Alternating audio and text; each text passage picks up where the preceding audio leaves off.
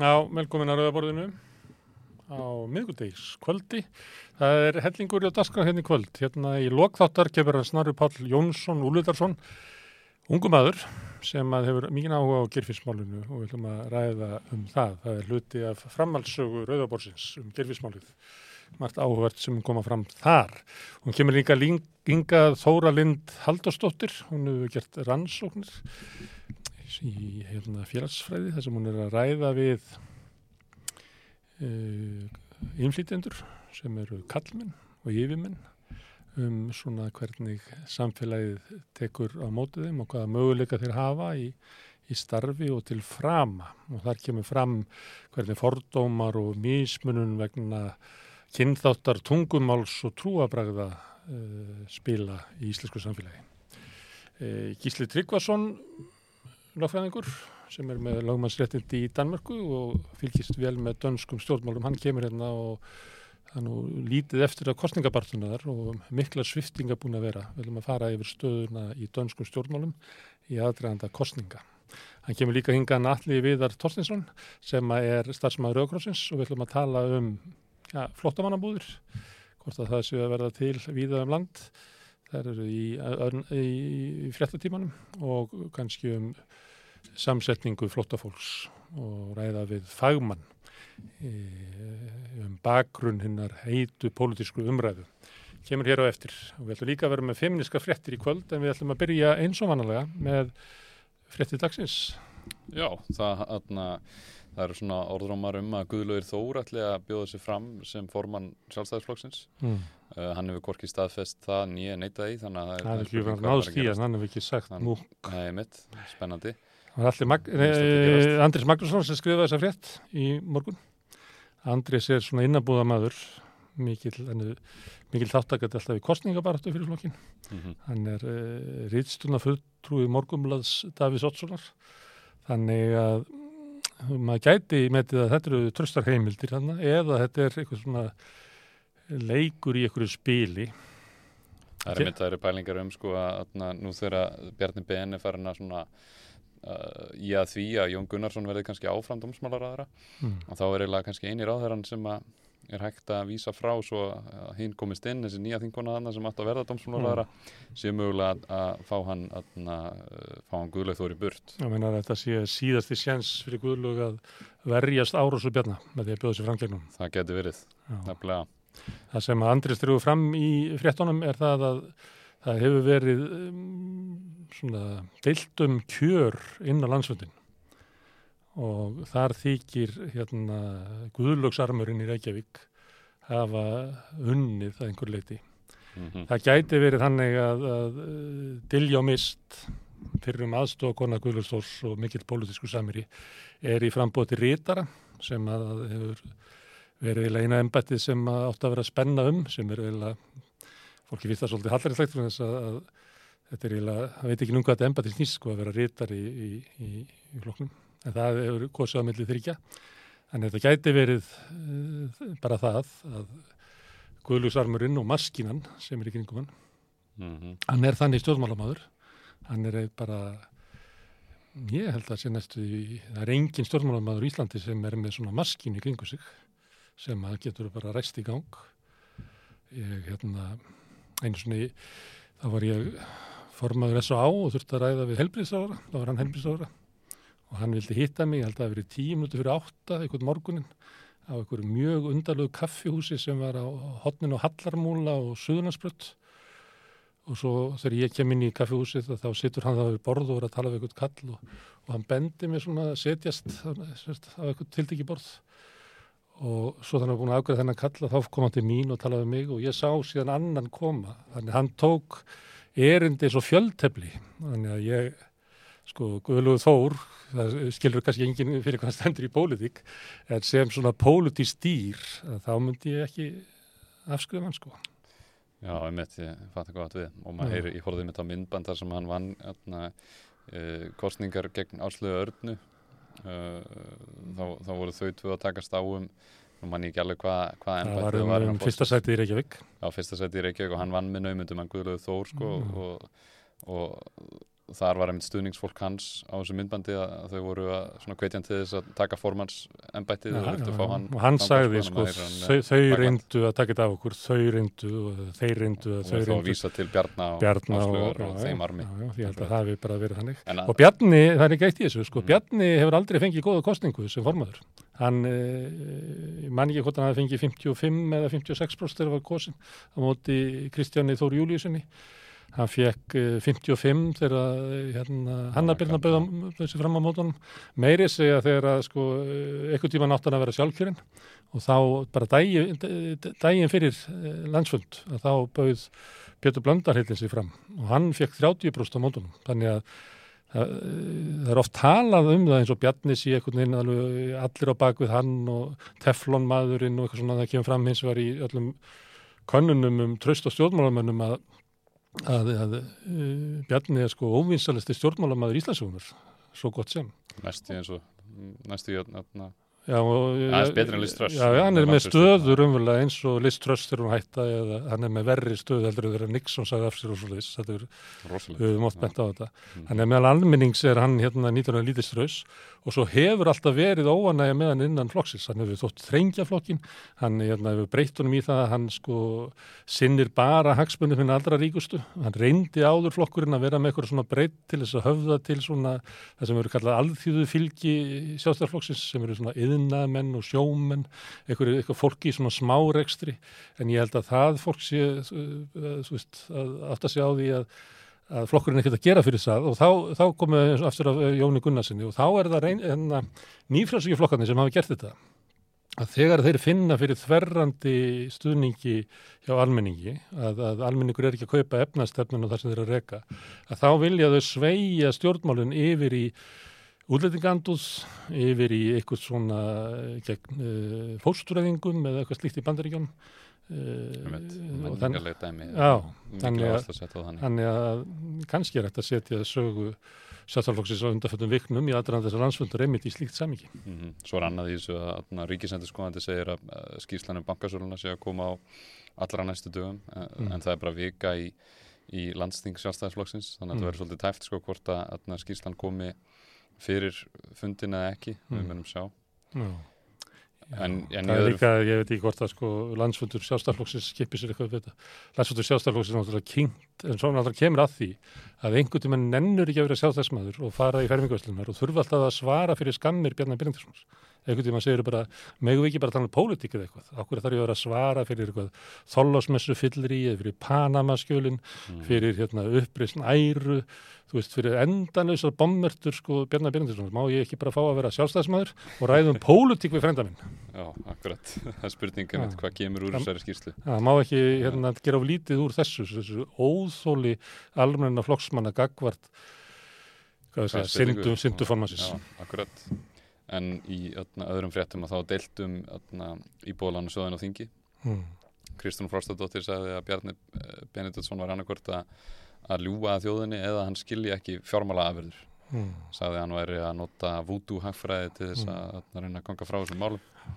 ég hlusta á þetta með öðru eirar eins og sagtir Mm og ég var svona að velta fyrir mig sko af hverju hérna tekur Kristrún þennan vinkil um að sko það sem að Bjarni er að leggja til núna sé ykkur eitthvað hættulegt eða háskalegt uh, það er hérna hann Már Miksa nefndi þetta, það geti fallið sko skuld, uh, hækka skuldabref álægið á ríkisjóði og þar með vextirnir hækkað.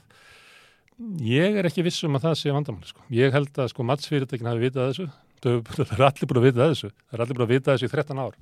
Þannig að ég, þú getur tekið upp sko sagt að, þarna sé vera að ganga á lífriðsjóðin en, en þá er þetta alltaf það sama og, og gaggríðin sem kemur þá. Að segir, hérna, akkur er hann að þú getur gaggríð sko hérna, kynninguna. Hann segir, hérna, ég ætla að spara 150 miljardar, en hann nefnir það ekki að hann láta almenning borgaða með lífriðsjóðin -hmm. og það er náttúrulega bara það, það er eiginlega til skammar að, að að setja þetta upp þannig. En ég er ekki vissum að, að ef hann næri ykkur samningum eða setur í þrótt þetta er eitthvað sem alltaf okkar peningar. Vandamáli með íbálunasjóð er ákvarðan sem voru teknar fyrir löngu síðan og enginn hefur borið ábyrð á. Ég, ég, ég skil ekki okkur stjórnarnarstæðan vil færa málið frá því sem við höfum verið að fjalla um sem er eiginlega þessi gamli skandal sem er springur núna fram færa það frá því yfir í viðbröðin við skandalum sem að ég myndi sko tala um hérna hver ber ábyrð á, á þessum ákvörðunum eh, 2004 inn á þinginu Já, já, Hver- það já. þarna bera nefn Hva, hvenar eigum við að hætta að borga útgjöldin fyrir engaveðingu sjálfstaflokksins? Ég myndi tala um það. Mhm. En kannski er bara Kristrún ekkert ósátt við engaveðingura, ég veit það ekki. mögulega ekki mögulega, Og, og mér að sé Bjarni, gert- hana betur. já, því að við hérna, vorum að tala um Bjarni á hann, þá fannst mér að svara svo gætlega. Þegar hún kom með sína sérfræði þekkingu í hag, eh, hagfræði og voru að segja að hann kynni ekki hagfræði, þá kom hann bara tilbaka og segja þú kætti ekki lögfræði. og, og eða sömu leiti vegna þess að aðgerðin er ef til vill sko meiri lögfræði aðgerð heldur en hagfræði aðgerð. mm, nefnt Mm. það komið á þann punkt bara Ég hef allavega ekki séð neitt bend á það að, hérna, nú er þetta komið fram, ég hef ekki séð neitt bend á það að, að, að vextir uh, ríkisins séu að hækka Mhm. eða skuldatryggi álæðið hækka, ég hef ekki séð það. Sjáum til hvað gerist. Hvað gerist. En það var líka jafnbreytisting í dag og Solveig Anna held þar ræðu, henni var bóðið Mm. og, og held mjög góða, uh, flotta ræðu, Já. fannst mér. Um uh, Uh, sjónar, uh, feminisman frá sjónarhóðin, láluna hvernig. Láleina kvenna. Henni, henni fannst skrítið að henni hefði verið bóðið en var mjög ánað með það. Mm. Því að henni hefur hefur verið tekið ítla af ymsum sem standa á baku þetta. En það var að hún var að þetta er forsaða bakuta því að síðast þá var hún í andirinu með eblingarfólki og talaði í gjallarhótt. fekk ekki að fara inn. Já, vegna þess að þetta væri svona millist þetta feminismi sem væri þarna. Mm. En núna uh, uh, eðlilega buður um að vera með eina af fjórum svona stóru erindunum. En það var ekki allir ánað með það. Nei, það var, það var mótmæla atöp, þarna, þar sem var lyftuð bröðu spjaldi, en við ætlum að fara nánar í það bara í atna, feminískum Já, ég getur talað um það eftir. Tölum við það betur í fem, já, við erum með feministka Ætlum við eitthvað meira? Eitt yfirbútt, Já, það er svolítið búið að deila um það um framkvæmdastjórn samfélgarinnar. Það er ekki allir Já. þannig atna, kjartan sem hefur verið framkvæmdastjórn Valgarsson.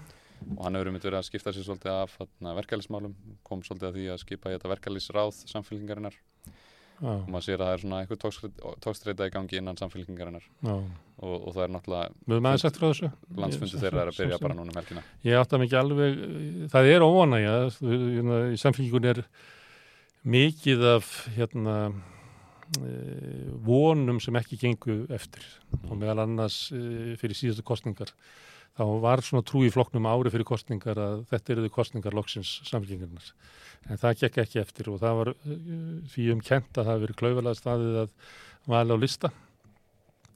Og menn hafa verið að saka hann um þetta. En uh, það sem var harðast stilt um er samfélgingafélagið í Reykjavík. Og ekki beint frangatastöðun sem tók ákvörðun um það. Það var nú mikið fjallað um þetta. Það var hérna voru eiginlega annað fólk og, og, og uh, varðandi verkefliðsráðið að þar er hann með, hann, en hann mun hafa átt hugmyndilega sko. Það tók ekki ákvörðuna en, og með kosin þar sem við stilla upp fólki sem er í anstöðu við Solvi Önnu sérstaklega og kannski Ragnar Þór og Villa að einhverju leiti. Þeir stilla því öllu upp í, í verkefliðsráð sem að það er armur inn í flokknum eða einhver af örmónum sem að telja að þetta hafi verið stórkostlega mistök að samfélgiki væri að stilla sér upp við þeim sem er að tapa völdum í verkefliðsreifingunni að móti þeim sem eru raunverulega, eru verkefliðsreifingin í dag. Ég meina, þú veist, í almennu markaði þá er Viljómið Byrgisson, Ragnar Þór og Solveig Anna eru þú veist, meina, það eru með flesta fólkið og þau eru bara all, allan hátt leiðandi. Þannig að það var skrítin ákvörðun að, að ég veit ekki, ég myndi ekki spá því endilega að þetta komi fram eh, nema eh, að það verið kosið um, í frangatastjórn og formannin sérstaklega, hann er kosið sérstaklega og það er verið að ganga á eftir Flosa Eiríksinni sem er samfélgingamaður úr Kópavogi og var svona svolítið vonastjarnar í flokknum hérna árum áður. Var síðast frangatastjóri í starfsgrænsambandinu undir honum Byrni Snæbjörnssoni í einingu sem var stór player á ASI þinginu í undiróðunum gegn Ragnari, Solveigu og Viljón ég veit ekki hvort að það tengist Nei. en það, það er verið að ganga eftir honum að bjóða sér fram. Einmitt. en uh, þeir sem að vilja ekki fá hann fram síðan hafi það bara gott, hann er formaður breyðabliks í dag og hann er einbætið sér kemur í ljós En einunur aukafrétt sem verði þetta að nefna, það var hérna kynnt rannsókn og skýrslu uh, í Sæðlabankunum held ég að verið hann Ásker Danielsson sem er fyrir forstöðumæður á hagfræð og peningastefnisviði Sæðlabankans. Hann kynnt, kynnti sem sagt efni rannsóknar ítgerðar sinnar sem heitir laun og verð á erlendum varningi í verðbólguferlinu á, á Íslandi. Og hann í rannsóðsinni finnur ekkert samband á milli eh, hækkun launa og verðbolgu eins og samtök atvinnulífsins og fjármasegundur og atvinnureikundur og, og atna, auðvaldið hreinlega hefur haldið fram hérna stöðut að ef, ef þú mátt ekki hækka launa því að þá verður óða verðbolga og, og, og þar fram með göttunum mm. og Áskir segir hérna hann afsanni ekki beint það að það geti verið verðbólka við hækkunum launa en það eru engin tengsl sem finnast í gögnunum og í rannsóðunum hann er tekst ekki að smíða mótel til að sína fram á þetta það finnur ekki þessi tengsl sem mm. er stöðu Viljum við Birgisson benti á þetta í, í, á Facebook mm þess að þetta erindi var ekkert um í síðustu vöku Já, ok mm. -hmm. Herðu, komið í bíli yes. Herðu, þá ætlum við að tala, held áfram að raunlega tala um fréttir hérna dagsis því að við ætlum að tala um flótta fólk og flóttamanna búðir við hann alla viðar hérna eftir augnablík. Herðu, hann er komin hingað, hann allar, allar, fyrir ekki allir viðar Torstinsson, starfsmæður Rauðakorsins. Herðu, þú komst hérna um daginn og við vorum að ræða um svona stöðuna í flóttamannamálum og mér hætti að skilja það betur. Svo heyrið með hlustamar umræðuna og það passar ekki alveg saman. Það sem að að svona ástandið eins og þú lýsir og svona hítin og vandamálið sem eru lýst í umræðinni. Hvernig, má ég spyrja það því, hvernig hérna þegar þú ert að hlusta á umræðið þinginu, hvað hva heyrir þú? Það er kannski svolítið erfitt að festa fingur á um hvað umræðin snýst nákvæmlega. Hún fer svolítið út á söður og mér finnst líka að umræðin tengslu við uh, frumvarpið hafi litast svolítið af, af atriðum sem voru svo ekki frumvarpinu þannig að umræðinu hefur verið taldið skringileg svona undanfarna daga og undanfarna vikur. Mm. og það er svolítið erfitt átt að sjá því um hvað ná að snúast í raun og veru. Það því að hún það verið komið inn á svo margt. Er mm. þetta stjórnlist ástand? Er hér meira luti með tilæfleisar umsóknir? okay, Er stjórnlist ástand? Nei, það er ekki stjórnlist ástand að okkar mati Þetta er eins og verður stort verkefni og mikil áskorum fyrir samfélagið. Þetta er satt, mest í fjöldi flótamanni sem hefur komið til landsins á einu ári og það er áskorun út af fyrir sig og ekki geta að gera lítið verið henni. Man sér vandamálun við bara að finna húsnæði, man sér vandamál við að, að koma krökkum í leikskóla og skóla. Já, það er eins og við kannski ekki ósað gera lítið á þetta ákveðna áskorun Já. en er ákveð verkefni sem hægt er að ná auðtónum og ég myndi segja það að stjórnvöldum hafa tekist það bara svona almennt bísna vel mm. þau hafa komið fólki í húsnæði uh, Rauðugrósnum var beðin um að opna fjöldihjálparstöð og þar hafa komið í gegn eitthvað um 200 manns en flestir hafa bara verið þar örfa á klukkutíma eða kannski eina tverr nættur, ekki meira það mm. og þá hefur uh, þjónustu temi vinnumálastofnar tekist að koma fólki í úrræði annar staðar og ég held að það með bara rosa stjórnvöldum fyrir það. Mm, við heyrum svona nú bara í dag frá Vestmanni um eitthvað að uh, uggur í bæjastjórnunni að því að verið var að semja um eitthvað húsnaði í Árborg í gær. Við, við heyrum svona fréttir eins og sé, við heyrum að erfleikonum skiljanlega, það er ekki fréttir um alls í lægi, það hefur aldrei verið frétt. Þannig að þú, það er bara þannig að þetta er svo stort og mikið, það er svo mikið fjöldi að eitthvað svona þótt að sargi aðeins í hér og þar er ekki vandamál. Nei, ég held að svona almennt með að segja það að þetta gangi bara vel og líka með að við þannig fjölda, það er allir að gera sitt besta og svo er kannski einhverjar bæjastjórnir eða sveitaflög sem að íhuga einhverju evi, kannski ljósa umræðan er eitthvað slíkt og ég held að, að því meira að bara áræðilegum upplýsingum sem er feiri loftið um þennan máluflokk. Og umræðan hefur ekki skaffað það, ekki umræðan sem þú ert að lýsa á þann, hún skaffar ekki áræðilegur upplýsingar, hún skaffar svona glundróða og óvissu. Já, hluta til að hún gert það. Mm. Ég held að mig alveg segja það og við höfum reyndar sagt það í Rauðokorsum og komið fram á leiðrætt ákveðin, ákveðin aðfyrir sem hafa komið fram í umræðinni. Um, auðvitað konið var að skipta skoðanir og það er svo sem allt í lagi líka en mm. ég held að að í svona viðkvæmum málaflokki um svona viðkvæmar uh, skuldbyttingur Íslands verði að, að vanda umræðin og, og mm. nálgast þannig að mikill yfirvögun og horfa á tölur og setja það í samiki við það ástand sem við verum að horfast í augu við. Það er ekki bara átök í, í bakarann hjá okkur, í, í, í Evrópu, í Ukrænu sem hefur valdið því að 8 miljónir hafa flúland heldur hafa bara á undanfjöndum árum fjöldi flótamanna aukist um 20 miljónir mm. og það er ekki sem að tala. Mikið fjöldi, fjölgun tilhafilus umsóknar, er það rétt? Nei, það er ekki í samræmi við, við okkar einslu og þær tölur sem við erum að sjá og íslenska stjórnvaldstofnunir hafa umverulega svarað þessu sjálfar að því að 80% af þeim sem er að sækjum heila á Íslandi fá vend og þetta eru náttúrulega alla Ukrænu uh, fólk og fólk frá Venezuela svo er líka fólk frá Palestínu, Afganistan, Somalíu þannig að þessar íslensku stjórnvaldstofnunir eru ósamlega þeim fullinningu sem hafa komið fram að það sé mikið um tilhæflausar umsóknir mm. Mér fannst þessi umræð að byrja í, í haust þegar Jón Gunnarsson fór að tala um það að stjórnlus fjölgun flóttamanna væru að kollvarpa allum grunnkerfum samfélagsins. Ég veit ekki hvort að, að þið getið metið það, hvort að, að húsnæðskerfið, skólakerfið, heilblíðskerfið séu undir það búið að taka við fjölgun flóttafólks. Já, það er kannski Það sem við getum bara hort á er bara staðan í dag og til og meins tekið þessa tölu umsækjanda sem hefur komið á þessu ári sem er eitthvað um 3200 manns allt í allt sem er verilega aukning frá fyrri árum en þegar maður, og þegar maður spyr sig er þetta há tala þá er bara ágætt eins og við höfum oft nefnt að setja hann í samingi við styrum hann há í samanböru við til og bara þann fjölda Íslendinga sem er flest til á frá landinu hverju ári þá uh, þann fjölda Íbó EES sem kemur hérna til að stunda nám eða vinnu við þá einu halvu miljón ferðamanna sem heimsækir Ísland á hverju ári eða veist, í hvað samingi er hún há?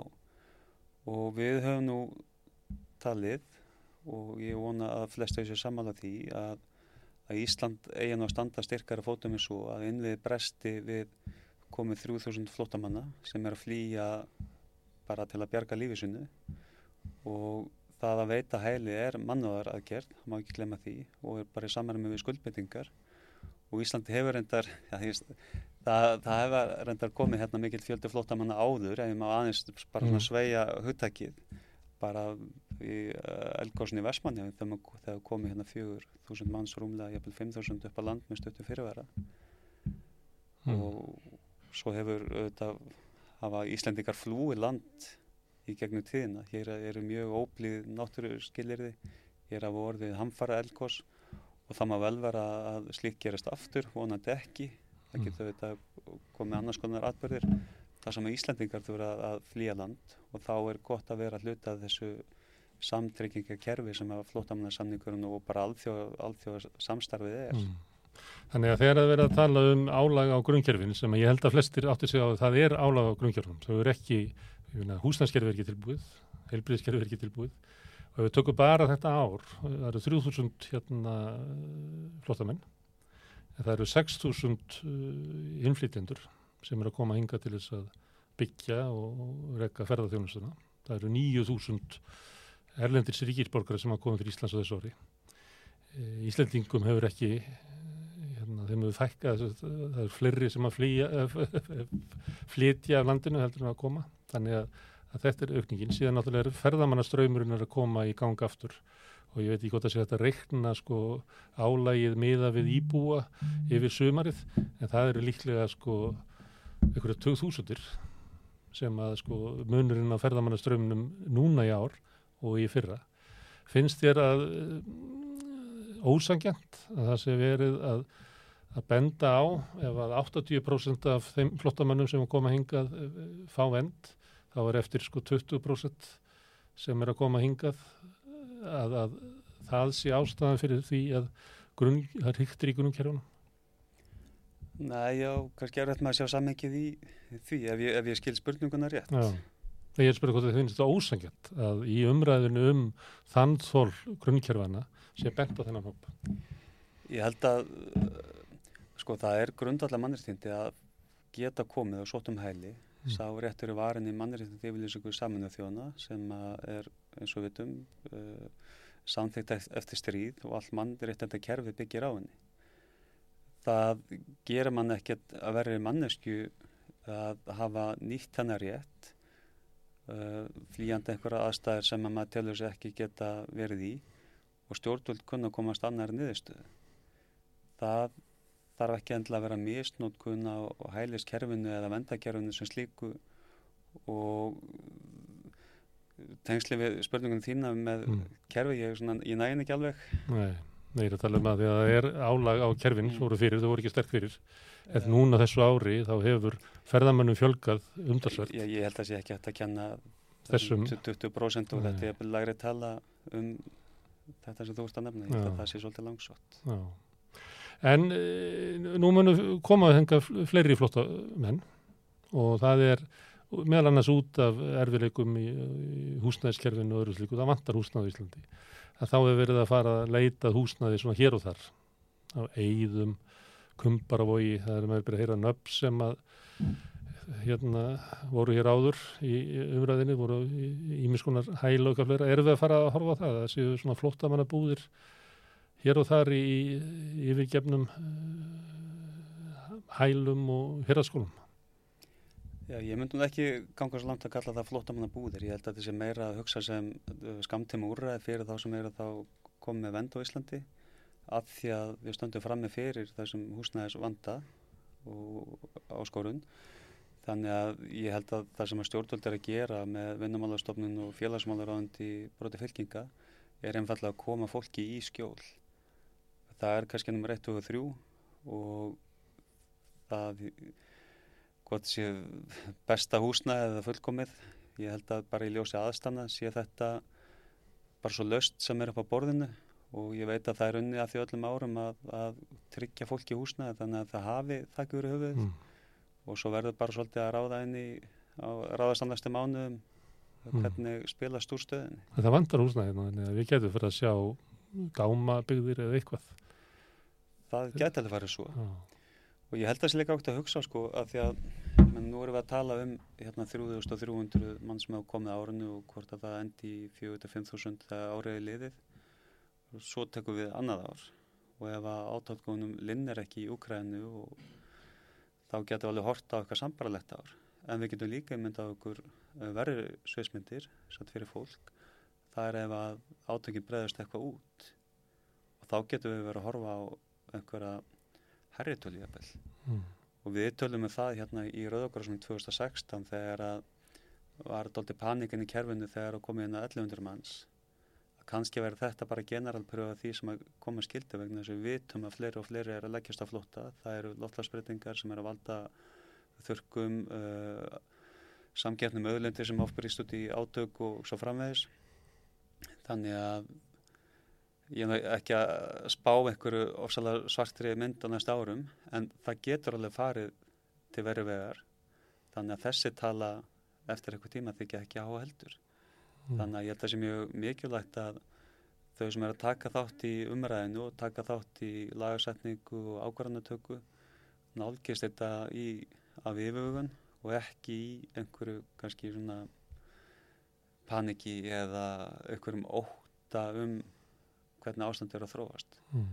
Er mikil breyting í frumvarpina? Við höfum bara eftir að kynna okkur það betur. Það er ekki búið að ræða það fyrstu... Það er ekki eins mikla breytingar og mátti ráða kannski af umræðinni fyrir eh, nokkru vikum? Ég held að það hafi margir eitthvað haldið að það erði komin inn í frumvarpið ákvæði sem kannski endur spekla umræðu liðin að mm. vikna einhverju leiti. Það hefur... Uh, sínist mér í fljótubræði ekki hafa gerst. En svo er annað frumverf sem er líka verið að leggja fram, það er um landamæri og við erum að skoða það datugangjöðlega, hvort að það getur mögulega rýst að vegið að rétti fólks til þess að sækja um alþjóðlega vend um, og erum bara að skoða það. Þannig að fólk kemist ekki hingað? Já, eða væri jafnvel snúið við á landamærunum vegna þess að uppfyllir ekki skilir til þess að geta gengið inn í landið. Mm það verður minna rætt um, um, um það frumvarp eða þær hugmyndir Já, það er bara til meðferðar í allseranemnd mm. og voru sendar út umsöknarbeðinu núna fyrir viku, tveimu vikum eitthvað svolítið mm. Inn í umræðinu hefur líka komið hérna það sem er litið á flottafólk sem einhvers konar mannauð sem okkur vantar það talaðum um að og aldrei verið minna eða jú það hefur verið minna eftir hún en það hefur aldrei verið meiri vöndun á, á, á starfsfólki eins og núna, ekki síðan 2007 eh, ef ykkur vil reyna að muna það, það ár. Hvað finnst þú þá umræðu? Að við höfum bara að taka fagnandi, okkur vantar fólk, okkur vantar vinnuhendur. Þá er svolítið verið að líta á fólk sem er að flýja óbærilegar aðstæður sem svona eitthvað sem að við getum uh, notað og nýtt. Ég held að sko flesti þeir sem er að flýja uh, ástand sem að þeim er ekki vært í og koma til annars lands, að borðu Ísland Sækert okkur einslu þá eru flestir áfjöður í það að taka þátt í samfélaginu, leggja eitthvað mörgum, verða nýtil, nýtil samfélagstegnar og ég er yfir atvinnið þáttaka flótafólks verið mjög há.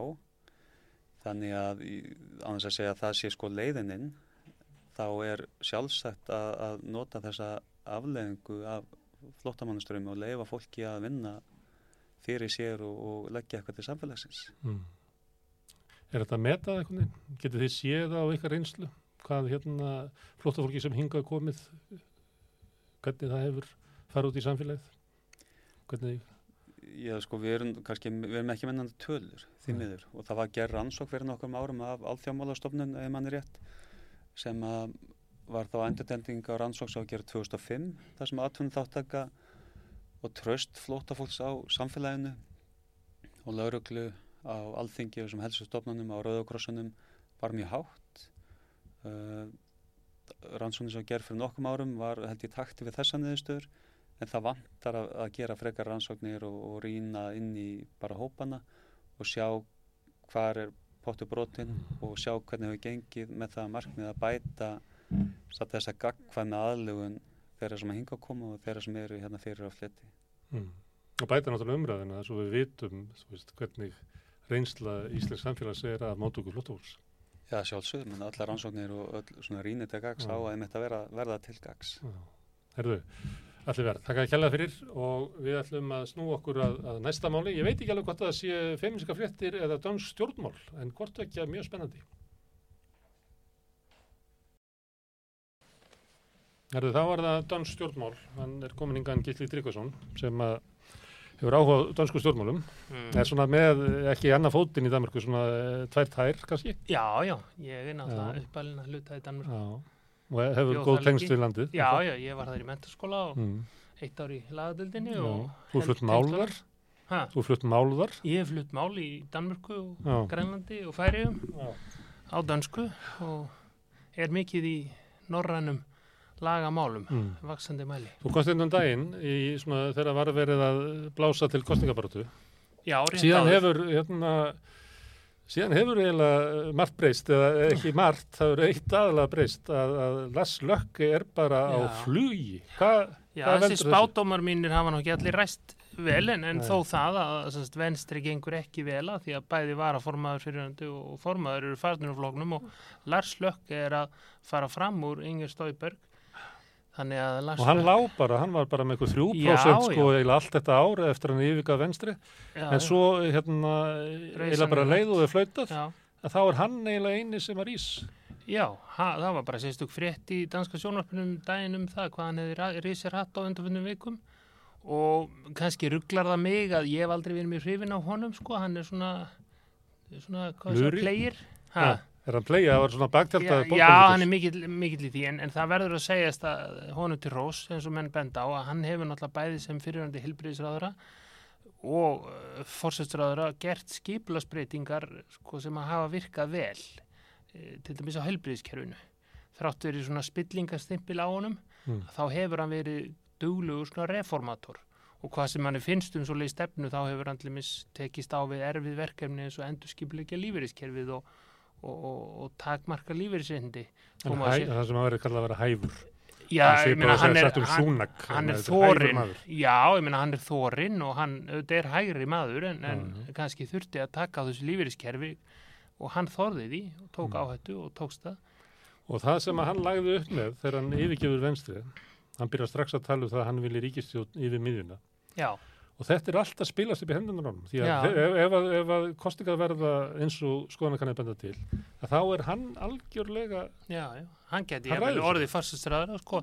fyrst tókum henn ekkit marka á þessu almennilega og ekki ég og gerðu grína hann fyrir að vilja ekki segja hvori að vera ráð þeirra sko, farsastræðara, hægriða vinstri. En hann segi bara hvorut eða yfir miðuna sko. Og hann reyndi þetta með venstri þannig að hann var þar í forsvari 2019 og svolítið senda því að það var eini möguleikinans en nú er hann að fá heilmikið fylgi út á þetta og svona ágæta sín eða hvað sé frumlega sín á, á struktúrbreytingar og helbriðismál. Þannig hann er með ykkur stefnu, hann er ekki bara, er ekki bara best að kjósa Lars Lökke. Nei, hann er Þetta er með, ekki, svona, þetta er með ekki svo Sigur Ringi. hann er með meiri stefnu en ég kannski hugði hérna fyrir nokkrum vikum. Já.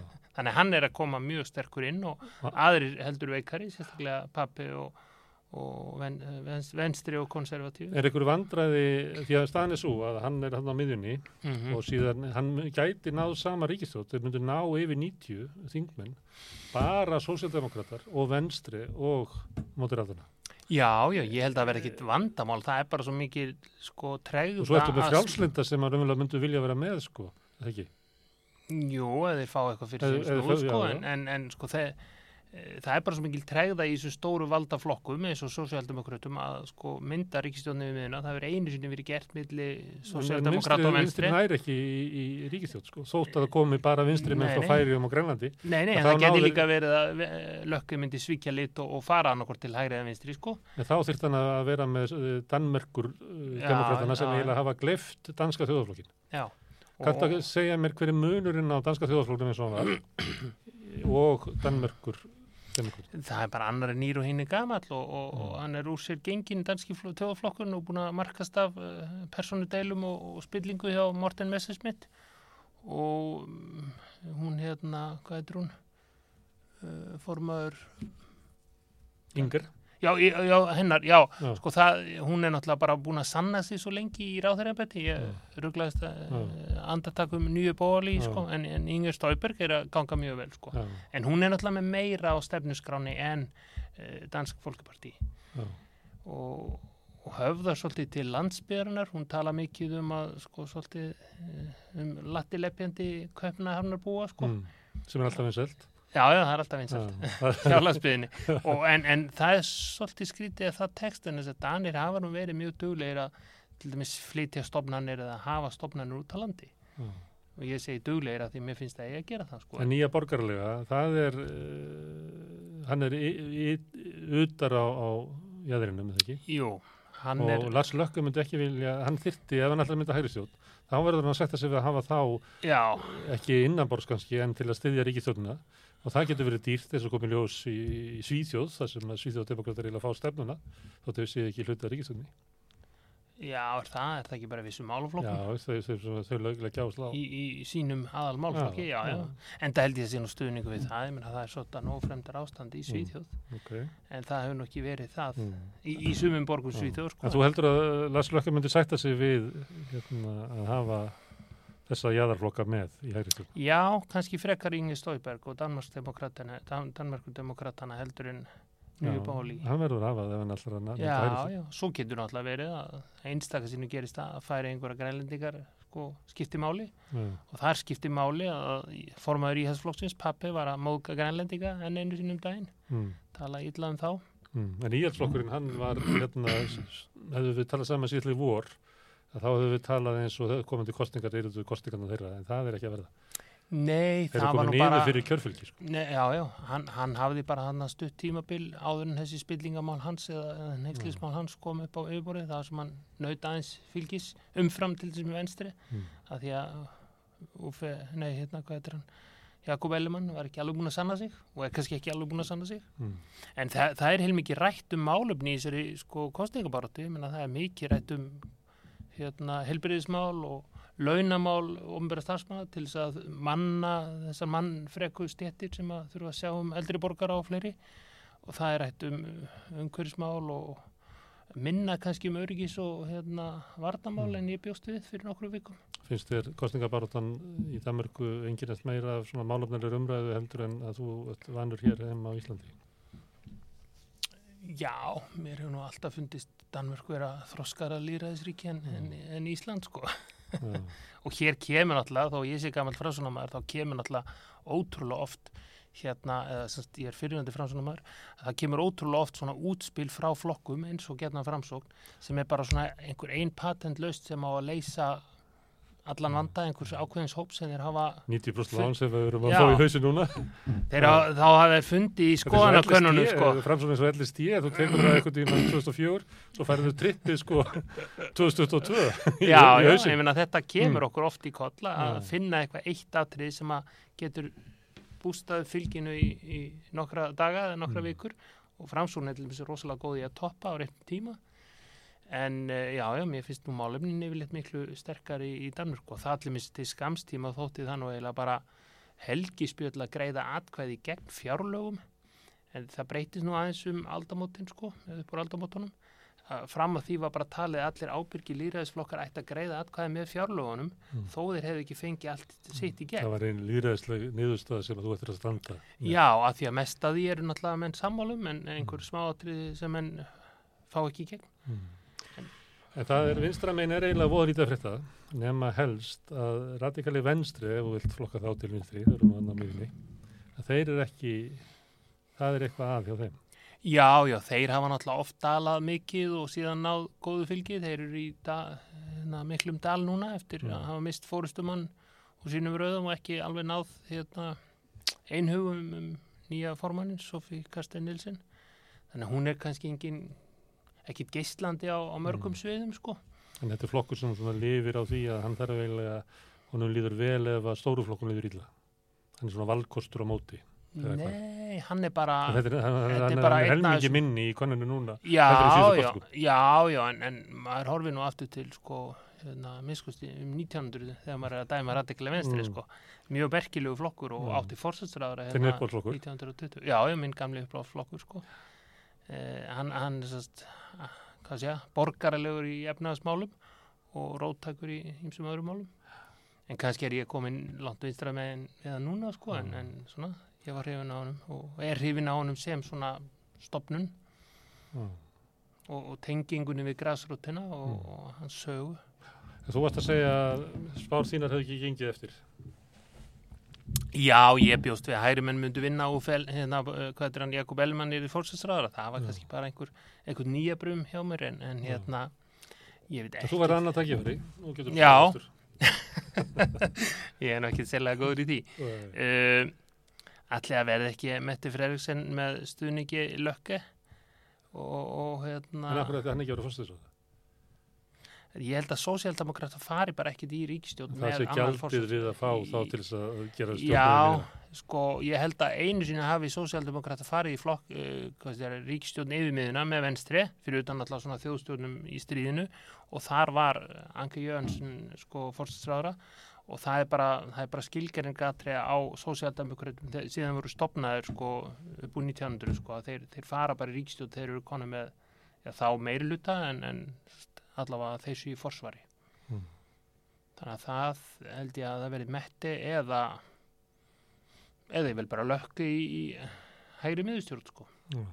Það eru kostinir, það er annarkort stjórnum í miðuna eða reynhægri stjórn. En svona skemmtigildið í kostningabaratun en kannski mest að horfa á ungan formann hérna libera, liberalina, hann er mjög skemmtilegur sko orator og setur upp skemmtileg myndbönd og Þeir eru að gera, þeir, þeir eru eini flokkur sem er að vinna á í já, já, kosningabaratunni. enda er hann að standa utan- frábælega, hann á eftir að stekka auka fylgi sitt sko og hérna ganga vel held ég. Mm. Þó er séu daltið sko hægra megin við mig þá, þá er þeir svo skemmtilega tærir frjálsíkjum en í mörgu og, og tala fyrir svona fallegum hugssjónum á margan hátt og, og gera síðan grín á mjög skemmtilegan hátt á, að bæði sjálfum sér og öðrum. Þannig að ég hvet þá sem skilja dönsku að hlusta á hérna, myndböð þeirra, Mm. hvað sem, hvað sem þeir eru í litrófinu. Herru, ég ætli þakka þið fyrir, við hérna, sjáum til hvernig kostingar þetta fara, höllum það við rauðaborðið þegar að því kemur, það er bara í næstu viku sem verður gósið. En hérna eftir augnablík þá kemur hún Þóra Lind Halldórsdóttir og við ætlum að tala um innflýtendur og kannski hvernig samfélagið okkar tekur á mótið þeim eftir augnablík.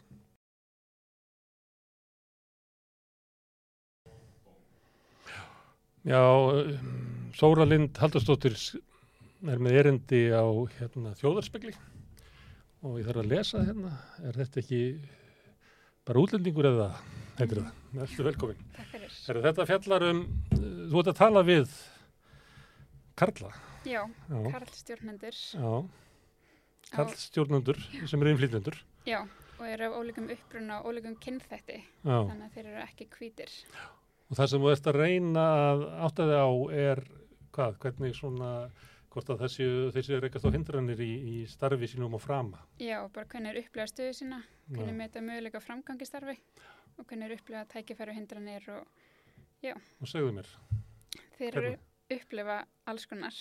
Þeir, þeim finnst íslensku kunnátt vera hindrun eða tungumála kunnátt sín vera hindrun, stór hindrun. Já, bæði til að taka þátt í íslensku vinnumarkaði og til framgangs mm. þannig að þó þessu komnir í ákveðna stöðu og þá upplegaður eins og komist ekki lengra vegna Mm. mm. tungumála kunnáttu er það vegna þess að þeir kunna ekki íslensku eða að þeir geta aldrei lært hana nógu vel fyrir okkur, að við, þetta seinna, að það er Já. ekki bara það að kunna einhverja íslensku heldur bara að við gerum mjög mikla kröfum fullkomna kunnáttu já, þannig að þú, ef þú kemur hérna fullur sárum, þá bara nærðus aldrei til þess að Mhm. vera meðtekinn. Já, og við þurfum líka bara að, ég held að þetta sé svolítið í samfélaginu líka, að við gerum kröfum fullkomna kunnáttu og við dæmum fólk, eins og ég tók sér satt viðtal líka við konur af sama flokki í BS-ríkinu minni, þá tala, tölu þær um þetta að, hérna, að þær láta alltaf að lesa yfir sig alla texta, að því annars líðum eins og fólk dæmi sig og þær séu bara eitthvað vittlisar fyrir að tala ekki eða skrifa ekki fullkomna. Þessu rækamarandar sem að býða eftir í að stökka á eina villisa beigingu. Og ég meina, ég nota mikið ennsku í mín, mínu starfi og ég er örgulega beigja fullt vittlust og ég er ekki að pæli, skilur, Nei. en okkur gerum við kröfum að fólk tala svo fullkomna íslensku. Nei, nei. Við höfum, þetta við komið fram í, í ímsu hérna við að Mhm. að þetta, að að, þú veist, mun ekki ná í þessu lífi Mm að verða meðtekinn. -hmm. Þetta er og síðan náttúrulega- finnst þeim erfitt að tengjast öðrum að vinnustæðanum og tungumálunu, Já, missa af alls konar samræðum og eða fá einhverja samantækt á fundum og svo leysa það er aldrei dýft inn í samræðanum. já. Heldur það sé annað en að vera bara útlendingur? Stundu það er hundleitt að vera útlendingur. Ég verið útlendingur í öðru löndum. Mm -hmm. Og það kemur alltaf að því að, að eitthvað, ég tengi bara ekki, sko. Mhm. Það er verið að vísi eitthvað eða Mm þannig að allt í nefnir bara uh, situr maður og segir búið að fátta því að Mhm. maður bara skilur ekki. Heldur það, er, sé meira hér? Þeir tala um að þeim finnst Íslendingar vera frekar lokaðir líka bara að tengjast þeim persónulega og vingast við þá, Já. sem er kannski líka bara grunnurinn að því að taka svo þátt á vinnustæðanum og kynnist fólki og Já, það er En- svona test ef að einhver að hlusta okkur vil meta það hvernig fólk er sjálf mm mm. þessu. Það var svona test að spyrja sjálf sig hvort hefur búið innflétt þetta í mat. -hmm. Nákvæmlega. Það er svona, maður getur spurt sig að, Mhm. sig að því. Og ef að svarið er nei, þá náttúrulega er eitthvað. Mm Nákvæmlega. Ok, segðu með mér það. Já, síðan upplifðu þeir að tækifærum veru ójö, að þeir uh, Íslendingar væri alltaf með fórskota þá þeir eru að segja um störf og svo leis og ef er með tvo jafn hæfa og innflytjanda og svo Íslendinga Íslendingur myndi alltaf fá vinnuna eða fá Mm. framgangin starfi og að þeir væri með stimpil á sér sem titillin kemur að þeim líður eins og fólk hugsa of bara veit hann eitthvað, er þetta ekki bara útlendingur Mm. og upplega það svona í starfi Og það er þá þá átt að lýsa ykkur sem er svona, og, svona smá áreiti. Það er bara, þú, þú er það á áreiti. bara augnaráðinu og öllu Mhm. þessu að það er ekki verið að tala við mig eins og ég sé fullur menneska. Já, og að þurfa alltaf að sagt, stað, fá staðfestingu, double checka kannski ef að hann segir eitthvað innflytandinn, Já. þá spyrir alltaf Íslending eða spyrir hann frekar um ráð og hann sé sérfræðingurinn í þessu og líka bara segja um vinnur og störf, þú veist, fá ekki aðtunum viðtöl, svo er einhver ráðin í starfi sem er kannski minna hæfur en er kannski hvítir eða Íslendingur. Og er þetta þegar þú, þú talar eh, við þessa menn, Mm -hmm. mm. hópaðum, er þetta bara gegnum gangandi? Eða var engi sem að sagði nei, nei, nei, nei, nei, nei, þetta er bara, Það var gegnum gangandi nema þeir sem störfuði alþjóðlegu fyrirtæki, þar sem var mest megnis útlendingar Já, já. og töluð enska í Já. vinnu tungumálinu. en, En þeir sem síðan- eru inn í, í íslensku samfélagi, Mm þetta er bara, og þú veist það alveg, ef þú þú vildir halda áfram að tala, þá myndur þú bara fá staðfestingu á, Já, ég talaði við tólf, hefði Já. getið talað við fleiri. Og það er líka áhugavert að ég var oft spurð bara, nærðu þá alveg að tala við tólf, finnur þú tólf, eru þeir hana? Fólk heldur mér að að fólk sé ekki eins og nýjum stöðum og þeir tölum um það að þau vantar fyrirmyndir sem við geta speklað sig í aðstu stjórnundastöðum. Það sé Já. enginn að erlendum uppruna eða ólíkum Í kynþætti. hvaða stöðu, hérna, þú segir stjórnendur, er Já. það, getur það verið verkstjóri í byggingavinnu eða er þetta að tala um einhver sem að reka fyrirtæki eða stóra dildir? bæði, þeir hafa Já. haft mannafóraði í eitt ár, það voru kröfunar. Sumir átti sitt eigi fyrirtæki Já, og það var einmitt einu neðustan að þeir bara gást upp á að leita sér að vinna en í Íslandi og stofna sitt eigi fyrirtæki og Mm. rannsóknir hafa sínt það innflytjandi gera það í, í landum þeir Já. bara fá ekki stjórnandastöður eða stöður sem hæfa mentu þeirra og stofna sitt eigi fyrirtæki það væri hægt að veita þeim eh, ráð sem að hafa áhuga á nýsköpun að, að verða íta peningunum til innflytjenda því að mm -hmm. í öllu löndum þá er sko margvalt algengar að innflytjendur stofni fyrirtæki heldur en mm -hmm. innfættir. Já, mm. en síðan var svona áhugaversta þema eða kannski mest sem er svona mikilvægast að þeir upplöðu forduma og tengdu að við kynþáttu sinn mm. og sögðu bara reynd út að ef við væri kvítur innflytjandi ætti miklu öðuldar að vera í Íslandi og hafðu upplöðað bara alls konar dæmi eins og bara einn sem vinnur hjá fjármálafyrirtæki og var búin að vera samskiptum við viðskiptavinn á netinu og allt gekk bara mjög vel og smurt og svo hittust þeir að þá mm. bara neytaðan að láta hann afgræða sig og þessi tala reybrannat íslensku þannig að það var ekki tungumáli þannig að þó þetta sé undatækningar þá er þetta að gerast á Íslandi mm. og hefur bara fengið Svona fyrirlitning sem að fólk fær í andlitið Já mm. En eh, var mismunur á því er, er, er þú nefndir hann að það var kvítur inflytið það verið mm -hmm. betra. Þannig að það er líklega betra að vera frá Östur-Európu mm -hmm. og svo er álitamál hvort er eiginlega verra að vera muslimi eða frá Afríku. Mm -hmm. Og þeir nefndu að sjálfur að Íslandingar stippla inflytið sem góða slæma. Það einn sagði að fólk heldur oft í sig frá Afríku og ég finn svona kallt viðmót, svo veit að ég er frá brandaríkjunum og þá allt í hennu er öðru sér viðmót. Þannig að við stimplum til dæmis góða inflytjendur sem eru kannski frá Norður Ameríku eða Vestur Európu og svo slæmur innflytundur með Östurlönd og Afriku. Mm. Og ég talaði við nokkra sem voru múslimar og þeir upplöðu líka mjög mikla fórnum að gengt trúsinni mm. og sérstaklega þeir sem beraði messir útlýslega eins og múslimar höfðu fengið aðtöðsendir eins og mm. Í starfi bara eftir komininga til að drepa mig og átt að vera djók en þeim fannst þetta ekki að fyndi að þetta er öðráriti alltaf að vera að minna þig á og þú ert ekki hérðan og þú ert ekki íslendingur. Þetta er þá fórnum að sem eru byggðir á svona bara fréttum á þessar öll margir telli það. Frekar heldur svona djúbstáði fordómarka mm -hmm. múslimi sem eru víða í Evrópu mm -hmm. sem eru byggðir á því svona að þeir, það, er ykkur annar sem er að stýra þeim sko. mm -hmm. þeir eru aldrei almenna hluta okkur því að alla geti sagt þeim að gera eitthvað og svo þeir eru byrtir myndir af mönnum í bænum sem allir beigja sér saman að það finnst vesturlandabúum eigin hérna, sem eru einstaklisíkjumenn eitthvað neinn ókvæmlegt það er mjög djúpt í Evrópu en, en það það ætti ekki að vera hér því að Íslandikar hafa eiginlega enga reynslu af uh, muslimum bara eiginlega fyrir að hinga að koma ykkur í palestinum en svona upp á 1970 mm -hmm. mm. En bæði rannsónir rannsónir sem sína og þeir segja líka í minni rannsó að þeir telja að þessi, þetta viðhver komið frá fjölmjölum fjölmjölar málum neikvæða mynd gangvart sérstaklega karlkynns innflytjandum og tengja það við glæpa samtök og mm. og, og til dæmis bara alltaf að vera fréttir það var alltaf, það var að nefna að sé útlendingur það var glæpur og það var útlendingur eða það var þessi en þetta er það er muslimi sem fremur voða verka já þó það þá er það út af trúnni. Mm -hmm. en ef einhvern annar gerir það þá er það bara þennan geðugur mm -hmm. mm. nákvæmlega. Og svo er það náttúrulega líka bara með fyrir bíó. Það er vondikallin er -hmm. oftast hérna, muslimi það var það alveg, ég veit ekki hvort það er sér búið að breytast núna. En svo er mér akkur að ræsa þetta Ég bara fætt mikið áhuga á þessum álefnum og hafði heyrt mikið um að innflytjandur í Íslandi væri ekki að fá störfi hæfi og, og væri í lálunastörfum þó að mentin segði annað. Mm. Þannig að ég var svolítið forvitin að rannsaka bara hvað ef þú er komin í einhver ákveðnu stöðu, ertu, er þetta bara komið eða ertu ennþá upplega eitthvað? Og finnst þetta bara, nei það er ekki.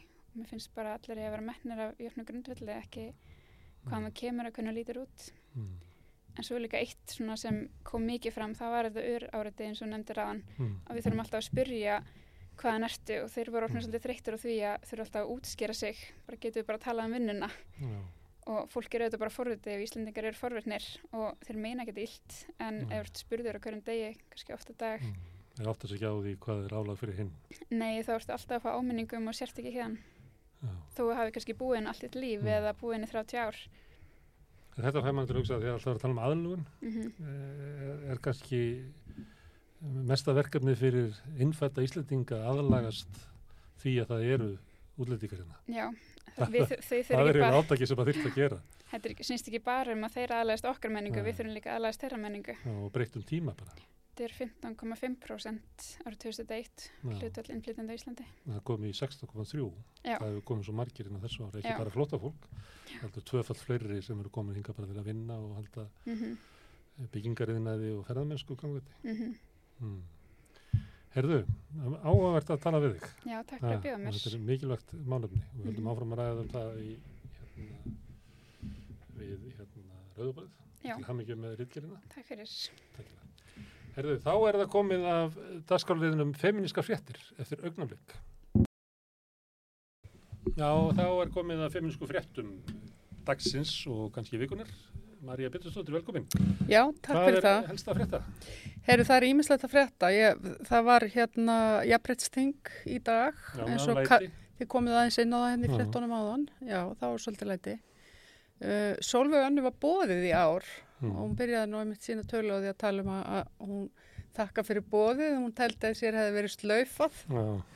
fyrir ímsa glæpi, orðað hún. Og hérna, En Þá reys fólk upp í selum eða já, þá, þá hérna. fjóra konur ef ég skilu Já. fréttir þessu rétt. Já, sem að voru með fána, stóran fána sem að, sem sagt, uh, já, þær í rauninni veifuðu þarna framann í hana að þær styrðu leiknum og hún fengi fengi rauða rauðarspjaldið og hérna og svo gengur það að dyr Mm. þannig að Og hvað er með þetta? Er þetta ekki bara allir lægi? Þetta er ekki, jú, þetta er ekki svona mótmæli, þetta er, þetta er svona þetta er bara svona statement eitthvað að statement.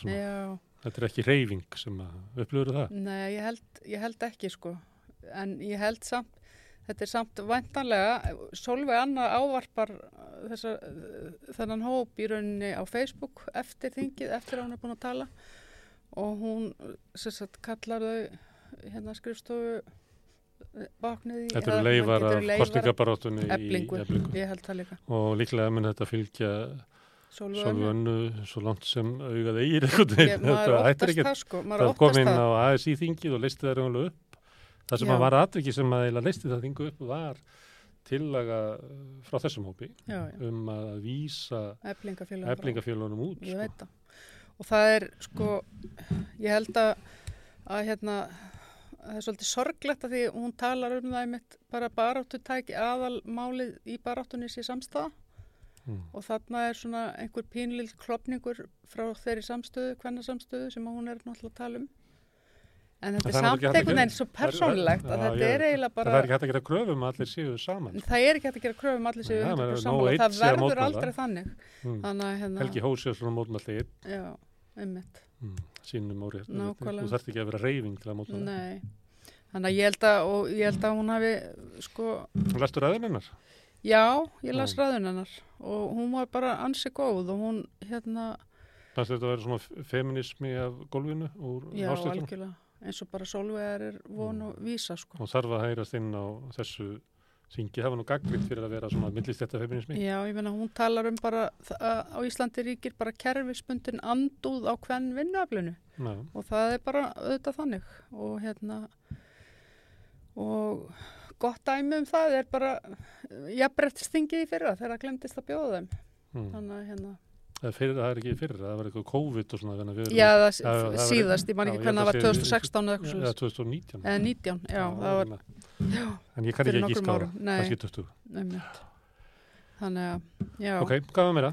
Herðu, uh, en býða börn eftir því að komast á leikskóla Mm. og það finnst mér náttúrulega bara alveg gríðarlega feminsk frétt og það, það sérst, voru held í allavega tvær fréttir um, um svipað um þetta mál í rauninni. Það eru 618 börn, 12 mánuð og eldri sem að býða eftir að fá leikskóla plás. Þú tekja þetta um flottaböld. Nei, ég er að tala bara um börn. íslensk börn og Mm. 187 plás eru ónýtt á leikskólum borgarna vegna manneklu. Þetta er eitthvað svona aðeins Mm. mismunandi vinklar. Svo lokaði skóla einu sinni viku út af Já, miklu. en það er engin, ég, ég er rosalega forvitin að vita og ég vil bara skora á borgina kannski að kanna það líka eða, eða yfirvöld að kanna það hverjir eru að passa þessu börn á meðan, hverjir eru heima með börnin. Svo áttu við að það séu konur. Ég gerir fastlega ráð fyrir því Mm. að í flestum er tilfellum þá séu það mæðurnar, ég mæður eða ömmur. Mm. Þannig að hérna, og það væri bara rosalega fróðilegt að fá þær tölur með. Af því, eh, sko, já, bara hver er að, hver er að passa börnin? Af því Mm. einhver er að passa þau, einhver er ekki að, að ná að gera það, það sem hann ætlaði að gera annað í lífinu. Þannig að hérna, Og þetta er ekki einhvern veginn að lagast það er svo mikil aðtegli á Reykjavíkuborg. já, Ég býst við að ástætti sé ekkert mikið betra en þetta. nei, nei, En það ég er var að örugglega líka skoða á, slæmt út á á landi. Facebook myndir af ævindýraborg Já. við, hérna, við ekkjarskötu. Já, Það er bara, lítur út þessu byggingasvæði, sko. já, Og hann er eitthvað skáraðan inni. já, já. En það voru, talað um það hérna í vor, að það væri, var að vera að sína eldúsið og eitthvað fleira þess að var bara, bara eitt vaskur á einu vegnum og það var ekki reitt nei, og þetta er hérna ævindiraborgin við Eggerskotu, ég veit ekki hvernig það er út í Nautalsvík, hún er ekki komið með starfslöf ennþá, mhm. þannig að þetta er allt í einhverju, í einhverju hakki. Og svo er líka þá og þetta ég það sé að byrja að tala um byggingar og svona, Nei, það, það þú kem- vildi tala um konundar sem er að passa bönnin heima? Já, það kemur líka inn í þetta, þú veist, öll miklan í bara sko, skólum og annað sem maður ekki verið að viðhalda heldur. Veist, það er alltaf komið upp núna Mm. líka. Hver skólinn að fætur öðrum þarf að einhvern veginn Ég talaði við bregðast við. leikskóla fólk þetta og mér man ekki hver það var sem að sagði að þegar var, er verið að benda á að Mm. það þurfa að laga eitthvað að þá er viðbröðin sko eins og það sé bara eitthvað nöldur og pegs Já, og bögg. Það er bara ekki hlustað á ratti frá leikskólanum að þurfa að laga húsnæð Nei, nei. það var eitthvað sem taka móti En ég held líka, ég held að sé, það var einhver sem að benda á einmitt, þetta er mjög viðlóðandi bara Íslendinga, sko það er eitthvað byggt, bara segjum mér þessi harpan eða eitthvað skilur og það er ekkert verið að gera ráð fyrir kannski viðhaldskostnaði skilur Mm. í næstu árin. Mm. og stopnanir víða erlendis er kannski listasöfn og svona, þeim bara lokaði tíu ára meðan að vera að gera við. Þetta gera það ekki við leikskóla? Nei, þetta gerir það ekki við leikskóla en það sem ég meina er það að, að það bara gert ráð fyrir því að það þurfi viðhald og það þurfi að fara tími í það og peningar og annað þannig að hérna Ég reyndi að fá hérna við rauðaborðið fóreldra mm, sem að voru först með börnin sín heima. En mér tókst það ekki. Það fengi ekki pössun, nei. Nei, það, það er bara okkar þannig. Ef, ef það fengið pössu, þá voru þið líka bara útkerð. ég veit, það var eiginlega, gast upp þegar, ég var bara að samfættu 20. já, Það, það stundum gespar upp og svo reyna mér það bara Já, já. Kannski tökum við svona uh, átakið þessu núna að fá, getur getur verið með barnangerslu Við hérna með. Einmitt. Heyrðu, það, já, svo náttúrulega þetta líka 13 hérna, prósent flóttabarna er ekki komin í grunnskóla, þú veist, þetta er bara, það er einhvern veginn, Grunnkerfin okkar eru, grunnkerfin eru svolítið að, það hérna á það, já, tengstu við flotta mennina, að, að, að ge- gengur ítla upp að kenna flottafólkinu um þetta. Það gengur illa að kenna flóttafólkinu um þetta, það gengur ekki alveg upp, sko, að kenna þeim um þetta. Heyrðu, eh, önnur frétt, Pussy Riot eru hérna á Íslandi Mm. og eru að setja upp uh, síningar í flirtölu. Mm. Og er það síningar sem eiga að vera hér eða er það undirbúið síningar sem eiga að vera erlendis? það haf, ekki- það haf, sko þetta er sem sagt, þetta er í rauninni tvenn, það er síning sem hefur gengið núna í leikúsum viða um Evrópu sem eru sem sagt, uh, tónleikar og gjörningur sem er og, æfðu í þjóðlíkusinu Já, það er það sem það er það sem hefur verið að gera í þjóðleikúsinu Mm. og uh, svo er Kling og Bang uh, að fá þar líka. Og uh, það eru sérst að setja upp síningu, svona yfirleitt síningu bara á öllum Já, sínu verkum í fyrsta í skipti. Marselhúsinu fyrsta skipti í Marselhúsinu mm. þess að við að þarfum hérna- verið að rúfa ég minn sýttist að vera á vinnustofunni hjá Ragnari Kjartarsinni Já, já. Það er náttúrulega kannski, held ég, að Ragnar sem að fær örgulega mössu hérna hingað, sko.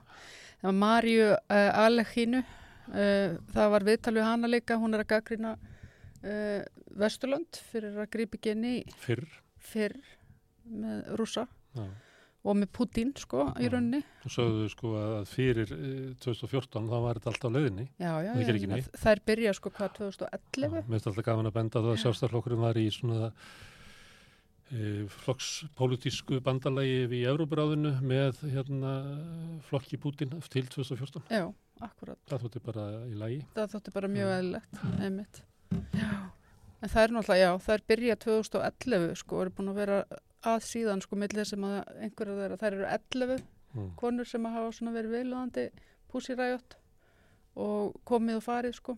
Uh, Sástu myndbandið þess að maður hérna setja í ganga okkur músík og fara að dansa og syngja og svo eru lögreglumenn sem að berja þær með kilvu. já, þetta, þetta, bara- þetta er myndbætt frá vetraolimpíuleikonum í Rúslandi, þar sem að þær voru bara, einmitt bara þar og handtaknar og eitthvað. Þannig að þetta er bara það sem, þetta er bara vaninn, sko, þannig að þær eru bara taknar. Þær vita hvað er að fara að gera Já, já, þær vita og hvað þær er að eru gerast. landar og þær halda áfram. Já, Þannig að þær eru eiginlega bara konur. ótrúlega hugaða konur og búin að sita já, mislengi í fangelsi ég held að ætla hún hafi ekki sittið lengst hún Marsha Mm.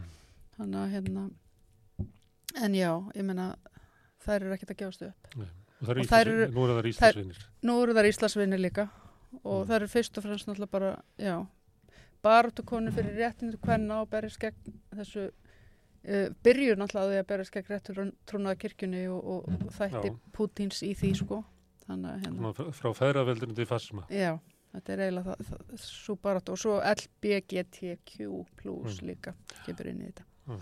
Herðu, uh, Íran Mm. höldum aðeins áfram þar Er ekki bara slæma fréttið það núna? Jú, það er núna sko, það er svona vanin að það er 40 daga uh, hérna, sir, sirkendatímabil eftir einhver eh, læst, eftir einhver deyr Mm. og uh, það er akkurat í dag sem eru 40 dagar síðan að, að hún deyr í haldi uh, síðgæðslauruglunar Mm. uh, hún Amini og ma, uh, Masha Amini og Og er Það það komu svona saman- sem að... Það komu saman bara alveg gríðarlegur fjöldi af mótmælandum Mm. við bara gröfin hennar Mm. í dag Er og í svona morgun og katholikarnir eru með það sem er svona eitthvað svona sálum einhver svona, já, einhver svona grát íta undir það sleppin í himnarík. eitthvað svo leys en Og það er allavega Mættu margir. það mættu alveg gríðarlega margir og, og hérna og laurglan bara hóskotrið sko bara Og drapa. hérna ég held að ég er ekki vissum að ég las ekki náði ekki að finna hvort einhver hefði látist eða hvað en, en þeir allavega sko þeir skutu einhverjum byssukólum og betur tárakassi þannig að hérna og það hefur verið Það mikið verður núna þetta ekki. Nei, verður þetta ekki eins og niður og þeir eru bara, ég held þeir sé bara rosalega hrættir við það að svona stór hópur af fólki komið saman. Og hvað þá þegar það gengur út á þessi mótmæli. Þannig að hérna þú veist, þeir hafa ekki gefið færi á því að þetta er bara friðsamt en hérna en það hefur verið rosalega mikið um samstöðum mótmæli núna víða í Evrópu Oslo og Berlín voru alveg held í stærstu samstöðum mótmælinu í vikunni Það minni frétti sem kom frá Írana ekki. Jú, aðra fréttir mennur eða af þessu, já. af þessu Ég held að það er náttúrulega bara öruglega svolítið kannski verið að reyna að loka líka á flæði fréttar. heyrum. Já, hvað við erum. Um, já, Það er ekki með meira. Ertu með meira? jú, ég er með meira. Ég er með meira. Ég ætla aðeins að, aðeins að einbrá því að það er frábær síning núna á listasafni Íslands. Það er söður afsísku listamæður Sanele uh, Muhóli sem að opnaði síning á listasafninu núna nýlega og er að fjalla um svona kynþáttahyggju og, og kynjatvíhyggju, hins einleika á samt stjættapólitík og er, er þar uh, sérst, svarti líkaminn er þar í, í fyrirrúmi og hán er að benda á það að, að það hafa ekki verið margir svartir líkamar til dæmis inn á listasafni Íslands eða og hérna, þú veist, og, og, já, hann er að benda á allavega svona hluti með verkonu sín líka og er líka að skoða bara, þetta eru svona seri, ljósmyndserjur þar sem hann hefur ferð, ferðast um heiminn og, og er að skoða líka svona kynhlutverkin víða um heim þannig að hérna, og er svolítið með svona sjálfa sig í, Þetta er listasafn Íslands, það er ekki okkur. þetta er listasafn uh, uh, Íslands Íslands. Já. Þannig að ég, já, ég bara mæli með er, þessi sýning er alveg til ann- 12. februar eða eitthvað svo þannig að hún er Það borgar sig að vera bara strax, 2023. annars gleymur því. A- það er svo, hún er svo löng, Já. það er alveg viðbúið að maður gleymi því, sko, já, ég ætla að fara þetta í næstu viku og svo maður því. Já. Er um, að, sem sagt, um aðgengismál uh, að því að börn til dæmis einangrast uh, oft á tíðum ef að þau komast ekki uh, á meðal fólks Mm. öðru hjólastól, þau komast ekki badnamalíða vel og Ekki bóðið. er þeim bara ekki bóðið, já, það er bara þannig að það er, það er bara verðt að minnast á það uh, nú batahús fyrir konur var opnað, það hefur verið ekki batahús fyrir karla í tvö ár Það uh, verður loka dingjunni. Það var að loka dinginu og opna batahús. Þannig að þetta er svona svolítið klipið af hér og aðeins Já, bætt í Þetta er eins og fjallið og stígur og skref upp og rennur niður. rennur niður. Mm. En þetta er allavega já uh, eitthvað sem að, verður vantilega til bóta. Dingjan er náttúrulega fyrir uh, alkoholista eða ekki, Já. já það var. Og batahús er fyrir fanga Já. fyrrum fanga. Þetta er svona fyrir fólk að hjálpa fólki að Sérstaklega verða verður konur það. já þetta er sérstaklega fyrir konur það hefur verið ekki batahús fyrir karla eins og þessi tvö ár og nú, en ekkert fyrir konur en núna er verið að bæta úr því og fæðingaheimilið var endurvakið Já. og Reykjavíkuborg slefti uh, Hvað er búið að vera Tökin að á- það? tökin á, á nafn, nafninu Mm. ég man ekki hvernig það er lokuðu sko. Hver er ekkur þetta? uh, þetta eru nokkra konur sem að eru að opna þetta Mm. Og þær eru að fókusera svolítið á meðgöngu uh, erlendra kvenna sagt, og ætla að fylgja þetta, er ekki, er eins og fæðingarheimili var þetta er ekki eins og fæðingarheimili var mm. þetta er mm. ekki þannig að konur geti fættar í rauninni held ég og verið inn á aðalega... deilta sem að konur stjórna en ekki læknir já, það eru aðalega að fylgja þjónstun og það við seint sér í konunum að, konur af erlendum uppruna uh, það eru mikið fleiri inngrip í fæðingum hér á landi ah. og mér finnst þetta alveg gríðarlega aðteglisvert og líka kannski, já, í ljósi allra þessa umröðu um um rasisma og flottamenn og allt þetta. Þannig að læknirinn á auðvöldur að með að taka ákvörðunu hérna, um eitthvað svona ef það er einflýtandi. Já, nei, það nei, er ekki málið. Heldur. Málið er það að þeim er ekki fyllt nægilega vel eftir og fræðislan er ekki nægilega mikil á meðgöngunni. Mm. þannig að það inni það greipi og sendt inni sem enda með því að í fæðingunni þá neðast þeir til þess að vera með einhvern svona yngreip mm. þetta finnst mér mjög aðeinsvært þannig að þetta er bara frábært að þetta sé Það er minna sko Já, það sé verið að fókusera á þetta allavega Og þú ert að tala um, það er húsið þarna í Veiriðskötu Já, já. Nei, uh, nei, það nei. er ekki húsið í Veiriðskötu það er náttúrulega eitthvað allt annað komið þangað. Já, já. Hvort það er einhver aukleiknarar og skrifstofur og uh, Nei, en það er nafnið sem að þær eru í raunin að fá Þannig að hérna. Ég er að reyna að skilja, sko, ég spyr. Einmitt. Herðu, það er búinn, eða ekki? Jú. Herðu, við hýtust aftur næstu viku með feministka fréttir. En núna ætlum við að halda áfram með framhaldsögur Rauðabórsins sem er Gerifins og Guðmunduramál. Snorri Pál kemur hérna eftir augnablík. Já, herðu, þá er komið að framhaldsögur Rauðabórsins sem er staðista sagamál Íslandsögunar, Gerifins og Guðmunduramál. Og hinga komin Snorri Pál, Jónsson Úlfildarsson. Jú, jú. Já, blessar, velkomin. Takk fyrir. Hérna, ég tek eftir því að þú ert svolítið yngri heldur en hérna, fólki sem hefur komið yngad. Jú. Það er fólk sem er eiginlega svona sömu kynnslóð og, og hvað við hefum að kalla það, sagbótningar. Mm -hmm. Akkur hérna, akkur þú hérna? Nei, hérna, akkur fyrstu á þessu máli? Sko, ég segi, já, ég er nú tíu ára sko þegar Sigurstein Másson og, og hérna Kristján Gæ og Einar já. Magnús held ég uh, þegar myndin þeirra er sérst sínt þarna á Rúf þannig ég hugsa að ég hef nú öruglega ekki síðað hana þá en svo en, var ég að skoða þetta hún er endur sínt þarna 2000 mm. á sveipiðin tíma og það er að koma til skýsla sem Lára Vaffi Júliusdóttir mm. gerði um tildrög þessa leirfinnur er, er búin til sérst leirhausin það sem er meðal annars verið að skoða upplýsingar sem koma fram í myndinans Sigursteins mm. sem var nú, sem var nú hérna hjá öðrum daginn þar sem að teiknari, Magnús Gíslason segist hérna hafa teikna myndir af manni sem laurklun átt að vera að leita, manni sem átt að vera í hafnabúðinni kvöldi sem að gerfinnur kvarf og, og hann bó, segir bóstæðilega hann að við fengið þarna, eða hann er sínt mynd af Magnúsi Leopoldssoni og, og hann hérna Þeirra teiknaði hann? Hann segist að hafa teiknað þennan mann, mann eftir ljósmyndin allavega þannig að þessum söpjum tíma og þessi skísla er að koma út að þá er myndin sínt aftur á, á rúf og þá er ég 13 ára. Og ég svona, ég sko, ég og bara margir aðrir svona af minni kynslu að hafi séð myndina þarna. Mm. og þó að eflaust hafi ekkit okkar sko geta tekið inn allar þessar upplýsingar eða, eða endilega skilin nákvæmlega uh, út af hvað máli gekk að þá fekk mm. maður bara þessa óþæginda tilfinningu og fekk strax þessa svona sannfæringu um að þarna hefði verið framið það sem Davíð Ótsson kallaði síðan á svipum tíma réttarmorð mm, Markvald réttarmorð Markvald réttarmorð og, og í rauninni kannski, eða domsmorð ég átti mikið mm. nákvæmlega á því hvað það orð sko, nákvæmlega hvað það þýðir sko, en ég hugsa að sé jafnvel sko uh, svona uh, hann, þetta sé svona Já, svona saklis, eða sko þetta...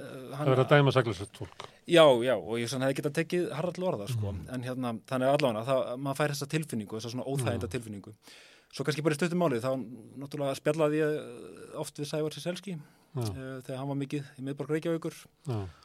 og eitt, síðar árumans síðar árumans mm. og hann talaði náttúrulega mikið um þetta mál mm. og eitt skiptið er ég að tala við hann og, og hérna hann fyrir að tala um Karl Schütz, þýrska uh, lauruglumannin sem var mm. fenginn til að koma hérna og, og svona leysa málið þegar það var komið allt í, í klípu eða það var svo sem í klípu frá upphafi en þegar það búið að sleppa fjórmenningunum mm. Það var það eiginlega bara í steik og hann er fengið til þess að hræra þessu okkur saman og búa til ámjölu túrúsu og hérna hann fyrir að tala það um sjöts og, mm. og, og segja mig frá því hvernig var að vera með hann þýska reynda hérna rannsóna lauruglumann sem var þekktur fyrir að hafa meðal annars tekið þátt í því að elda upp í Bader Meinhof, mm. fyrstu kynslu á Bader Meinhof reyfingarinnar mm. og verið viðriðin svona helstu stóru málinn í vestu Þískarlandi sem verðu öryggi ríkisins og, og, og, og svona mál á því kaliberi. Það er náttúrulega risastór mál, hann eru eru hérna hriðjverkinu Ólupjuleikana 72 já, já. það er bara uh, tilfinning í, í Þískalandi um að, að, að ríki, það sé árás á ríkið. Já, það er hérna og það greipi til uh, ótrúlega aðgerða, þannig að þetta er ekki venjuleg svona spæralöka sem er að koma nei, þetta, þetta er svona ríkislörglan Já, já, og eins og kemur fram í myndina Sigurst eins og það hefur ekkit nýtt komið fram í rauninu síðan þá, að, þá er þarna örfámál sem hann er þekktu fyrir og það mm. er það er hérna Bader-Meinhof eða, mm. eða Rauðu hertildinar og það er uh, frækt uh, njósnamál sem verður til þess að Willy Brandt kanslari þarf að segja af sér mm. og svo er það uh, mál þar sem að Þíska lauruglan tekur yfir höfustöðar spíkal, tímaristin spíkal mm. þannig að spíkal hefði byrt þarna einhverjar upplýsingar sem gáði til kynna að það væri einhver, einhverja gloppur í öryggi ríkisins og, og hérna og sérst lauruglan kemur inn og, og, og sýtt sér meðal að það verið það, það var tekið þátt í að bara réttstýra eða reitt skoða spíkil hann í nokkra vikur mm. í kjálfari uh, og svo er hann reynda þekktu fyrir mál sem hann skrifaði bókum sem kom út íslensku uh, á íslensku uh, Sagamál 1081 held ég að heiti mm. sem er eitthvað svona morðmál sem að hérna og er meiri svona kannski einhver svona glæbasaga Glæbasaga.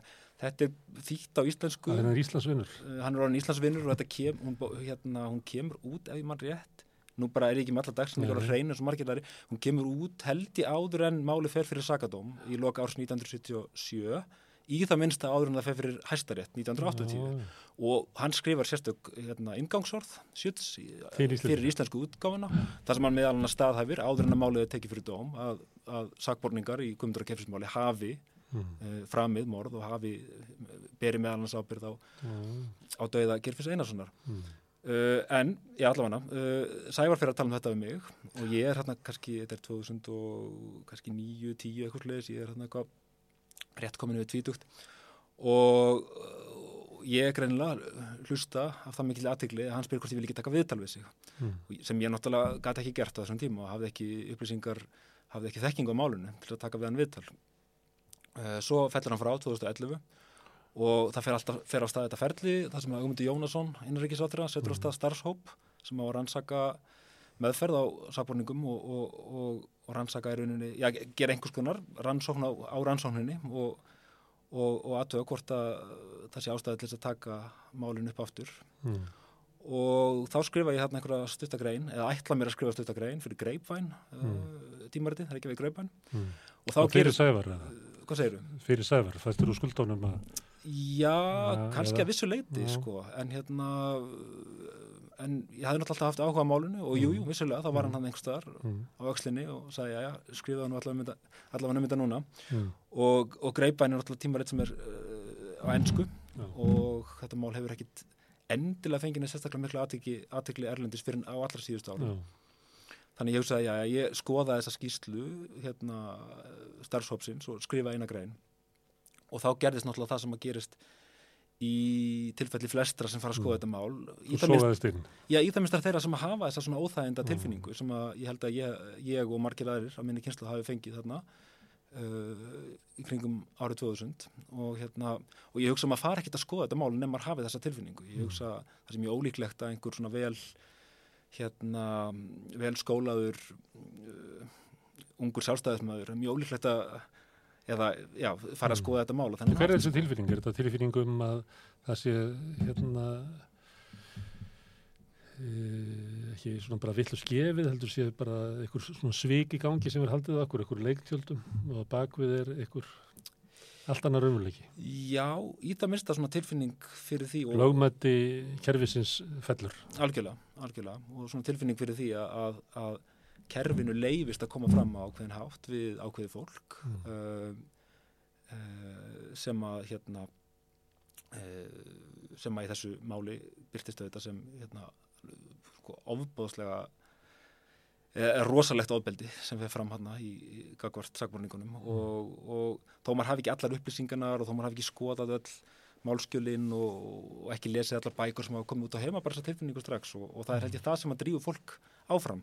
Þó að Sigurstein Másson hafi reynda sagt í þessu viðtali að hann hafi svona, ef ég skildi það rétt, komið svolítið svona blanko að þessu og halvpartinn verið upplifað sér til neittan af, af Sævari sko til að skoða málið. Já, Sævar tróð upp á hann þessum skjölum og Algjörlega. hann settist niður og byrjaði að lesa svona bara til þess að geta sagt honum að væri ekkert í þessu. Algjörlega. En þá gerðist þetta sama og þú ert að lýsa, hann Já, bara sogaðist inn. og í millitíðinni reyndar þá hafði ég lendið því að vera ásamt hérna átta öðrum Mm. í hópi manna, eða manna og hvenna sem vorum, við vorum ákærð Nýju menningarnir. nýju menningamáli svo kalla, ákærði byrjun árs 2010 fyrir, Fyrir- árás á alþingi Mm. Árás á valdstjórnina. og, og uh, þetta var sagt, snerist um atbyrð sem að átti stað þarna í búsvaldabildingunni í desember 2008 og var svona atbyrð sem enginn mundi eftir þessum tíma Ma- þetta var ekki svona stóri atbyrðurinn í þeirri atbyrðarás uh, sem voru þetta dagarnir hann í janúar þar sem að hérna þúsundir manna, tök þúsundir manna fólk sem var ruttist inn á uh, pallaldíkis. Já, í rauninni sko? Já, í rauninni, við geng, fórum hann inn uh, sko, hérna gestamegin inn á alþingi og ætluðum upp á pallana, ég einn og kannski ein mannskeið viðbútt komist þannig upp og ætlunum var nú að lesa um ykkur yfirlýsingu en það tókst ekki og endanum var hópnum haldið þarna í svona einhverju sardínu boksi uh, í stiðaganginum og flestir svona glemdi þessu fljótlega eftir, það voru einhverju nokkri handteknir og, og, og þetta var 30 manna hópur sem fór hann inn.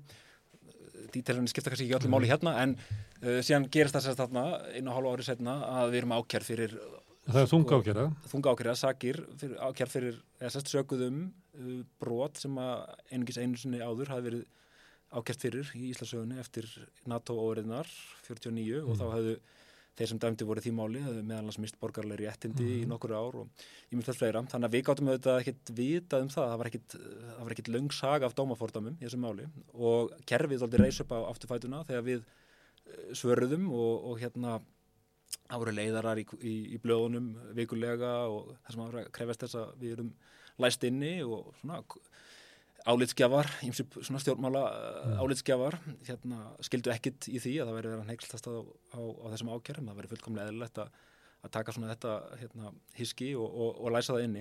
Mm. Þannig ég hafði svona, þegar ég skrifaði þessa grein hana 2013 þe- um, um skýslu Það starfsfólksins, er svona hitt, hitt skrýmslið persónulega. já, já, hafði svona tilfinningu fyrir því að vera, þó að ég ætli alls ekki að líka þessum málum saman og það sé engin ástæði til þess að gera það, að þá hafði ég þetta tilfinningu fyrir því hvernig það er að vera ákjærður um eitthvað sem að maður er ekki veita, sko, veit inn í sér að maður er ekki segur um, en vegna þess að í þessu tiltekna nýjum menningamáli, þá var það auðvitað þannig að, að, þessi atbyrður sem átti að vera einhvers konar árás á valdstjórnina, valdstjórnina var auðvitað bara voðalega vandræðilegur fundur hérna í, í stíðaganginum sko. og hérna Það er bara venjuleg mótmælaðgjörð. já, í rauninni ekki eins og það, það var bara að býða eftir því að hvort að við kemist út á þess að vera handekinn eða ekki sko. þannig að auðvitað litaði þetta líka hérna, tilfinningum mínu gagvart kerfinu byrjaði ef ég má spyrja málið. því að, hérna, að upplifur þá að, að það kemur svona ákjara og, og valdið sýnir, sýnir sig að kom þér á óvart hvað það hafði raunverulega svona víðan stöðning í, í samfélaginu og hvað þið voruð raunverulega uh, lundur lítilstöðnings og, og fá- fáliðað stöðnings. Sko það snýrist óldið. Þetta Já. tók eitt ár þetta... Þannig upphafi, var það þannig að Upphafi var tilfinning, tilfinningin auðvitað svo að þið væri bara nýju? Já, já, það væri sko bókstæðlegt að gera hvað sem er við okkur. Mm. Uh, fengum aldrei útskýring á því hvers vegna hérna, við nýju hefði verið dregin út úr þessum 30 manna hópi og það var svona strax byrjaða í að því, það var nú einn álitsgjafinn sko sem var með bloggsíðu á þessum tíma og hérna sem fór nú strax að skrifa um það að þetta væri nú svona fólk sem mamma vildi ekki fá inn í stofu heimdi sín og, og svona í þessa Ekki áttina kórdringir eins og sagt var um ákjærið. Já, við, auðvitað var ekki tekið að stertla orða í þessu máli en hérna um, hvort að Svona sami tóttin. algjörlega Þú nefnir ekki þetta fólk segir álitskjafi okkur, þú vill ekki nefna það það? ég veit ekki hvort það skipti akkurat máli núna en, en hérna, Búriður. já, já. þannig allavega þá Já, hérna þú ert komin að greininni í greipæn. komin að greinin, greinin í greipvæn og ég já, skrifaði þessa grein og þá náttúrulega átta ég máði eins og þeir sem að, eða þau sem fara að skoða þetta mál að, að fyrir utan já, málskjölin sem eru náttúrulega hérna sko gríðarlega yfirgripsmikil og, og þúsundir blaðsina sem, uh, sem að sko sem betur fer fyrir okkur eru ofinber, mm. þar að segja, það eru tveir hérna, áhuga sakfræðingar um þetta mál, Tryggvi Hupner og Sigur Þór Stefánsson mm. sem að hérna, tóku sér til og gerðu tölv, sagt, uh, færðu skjölin á tölvutækt form og mm. því það hver sem er getur farið að skoða skjölin. Og, og já, og þá kemst ég að því að, þetta, að það er ekki bara þessi skjöl og það er ekki bara dómurinn sem er mörgundur blaðsýður, hæstaréttadómurinn heldur hefur líka komið út ógrinn af bókum um málið og það hefur verið það verið gera kvikmyndir og það hefur verið reynd að gera kvikmyndir sem hafa strandað einhverstaðar í kerfinu Viðar Víkingsson meðal annars reynd að gera mynd svona uh, absúrt uh, bíó byggt algjörlega á, á málskjölunum sko. og þá fyrir maður að skoða þetta og, og hérna og séru þetta að, að þetta mál er miklu stærra og yfirgripsmeira heldur en heldur en svo að maður geti bara lesið dóminn sem eru þetta sem að fyrstu vildi í nafngrinni fólk, Brynja Níelsson og, og fleiri hafa svona hamrað á í gegnum árin alltaf að það sé bara nóg að lesa dóminn í málinu og þá hérna og þá skiljið maður Mm, það var ekki hægt að dæpa öðru í sig, segir hann. Já, já, algjörlega. Og, og, og svona sviplega tíma, þá, eða einhverstar hérna, þá hérna rekst ég á einhverja umfjöllun um, um, um svona sak, svona muni úr sakamálum í vörslu lauruglunar. Mm. Og það er auðvitað þannig að svona frá því að þessum málum líkur og frá því að sakbarninganir eða domþólar koma hægt og hægt út í fangilsum að þá er náttúrulega alltaf reglulega verið að rivja upp þetta mál og mm. það gerist auðvitað líka að Sævar Síselski reynir hann að fá málið endur upptekið 95, 6, 7 ef ég maður reynir erðláða líka í kringum 99 eða allavega hluta málsins mm. þannig að það er alltaf verið reglulega, reglulega verið að hérna, fjallum málið og og þá er náttúrulega við að fjalla líka um leirhausinn og það er verið að spyrja hvað er leirhausinn mm. Þetta var núna að tala bara um umræðu umfjöllun í fjölmjölum og svona Já. í gegnum tíðin Já, ég hafði þetta mális í búi Þannig þú varst að lesa það líka Já, maður fer að skoða þetta og, og meðal annars Það er svona, svona viðtöku saga Þetta er svona viðtökursaga og, og, og eitt af því, ég menna það er eina áhugaverð saga sem er á Ólöfu Nordal, myndlistamanni mm. sem að, að gera, er sérst bóðið að taka þátt í hópsýning og þingvöllum í tengslu við kristniháttíðina mm. þar sem að listamenn eiga vinna út frá einhverjum hver og einn færi út þetta eitthvað gildi sem að uh, á að vera svona eitt af þessum mm. gildum sem við viljum kenna okkur við og hún fær ef ég mann rétt tröst og hún ákveður að gera eftir mynd af uh, leirfinni, mm. af stittunni og hérna ákveður að gera hann sagt, úr leir en brenna hann ekki og stilla hann um upp þarna þar sem hún veit að þingheimur og, og erlendir tignar gestir munu lappa mm. á leiðsina háttíðina og þar muni þessi leir höfð standa og horfa yfir e, mannfjöldan og svo mun hann hægt og hægt einhvern veginn rigna niður og, og hverfa sko. Mm. En hún vil sagt, komast í alvöru hausinn og, og hérna og e, fá að taka myndir á hannum og þannig að hún geti gert sem nákvæmast eftirmynd og hún segir frá því einhverjum útastætti kringum 2013 eða eitthvað slið, segir hún þessa sögu að það hefur rosalega erfitt að, fá hausinn og mikið mm. vandamál og, og, og hérna það hefði enginn vita almennilega hvað hann var og þetta rýmar við frásagnir úr umfjöldunum sko bladamanna eh, frá því áður, áður sko, einhverjum árum áður þegar það verið að leita að lerfinni sko og, og hún er með einhverja sögu þarna, Ólöf sem að ég endar eiginlega þannig að hún fær að sjá hausinn og og vil meina að, að hérna, það séu þarna til tveir, tvær útgáfur mm. af lerfinu því að hún segir að hausin sem að hún fái að sjá sé í skókassa, hann sé miklu minni heldur en sá sem að hún hefði séð á, á, hérna, á ljósmyndum þannig að það er alls konar svona, svona hlýðarsögur með mm. þessari viðtökusögu sem að mér fannst áhugaverðar mm. og einhverstað rekst ég á þetta orð sagminjasapn, það sem að lauruglan segist eða einhvers konar sagminjasapn sem eru eitthvað sem lauruglu ennbætti út um allan mm. Eiga og eru yfirleitt svona lokusöfn sem að e, eru fyrir ja, laurugluna, rannsakendur, kannski einhverja sagfræðinga. Mm. Það er frækt sagminnisafn lauruglunar í, í bresku lauruglunar, mm. Black Museum sem Orson Welles gerði þætti um þegar hann fekk hérna, aðgang að, að safninu og, og ég var svolítið inspireraður af bara þessu hugtaki kannski til að byrja mm. með og fór að velta fyrir mig hvað eru sagminjar, sko, eru það mm. bara uh, þeir gripir sem að lögreglan er með í handunum uh, það getur verið ef að sakamál er mjög lítið og afmarkað og, og, og varði ekki beinlinis kannski samfélagið svona í, í hérna mm. í stærra samviki en í máli eins og Guðmundur og Gerfismálunni þar sem að allt samfélagið er undir, allt samfélagið er undir og, og, og það sem að mitt það eru ítrekkaðar sögur af af, já svona ímsu sem kemur spánst fyrir sjónir þá er ekki að tala um uh, uh, sjálf málið sem kemur auðvitað, ég myndi ekki nota það orðalega að, að, að máli komið spánst fyrir sjónir mm. það er náttúrulega allt annað kapitúli en, en það er svona þessar sögur eins og Ólavar og, og fleiri mm. sögur og,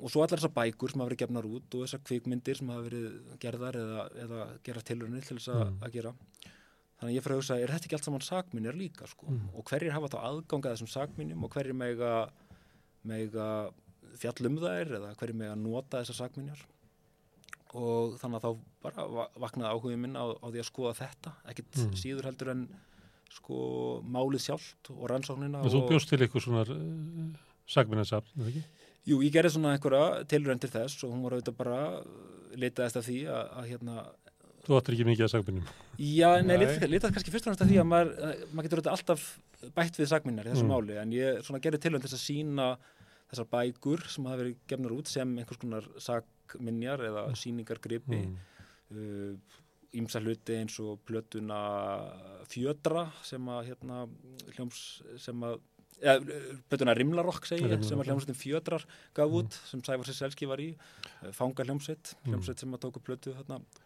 á litla raunni og, og gaf út og svona hitt og þetta uh, síndi líka bara sko teikningar og ljósmyndir úr málskjölunum sjálfum uh, aðstöðumyndir Já, ímislegt sko uh, ljósmyndir sem að voru teknar þegar það var að fara með sagborningana í dráttabrautina í Keflavík mm. þar sem að Eh, þau átt að hafa banað gerfinni eina sinni mm.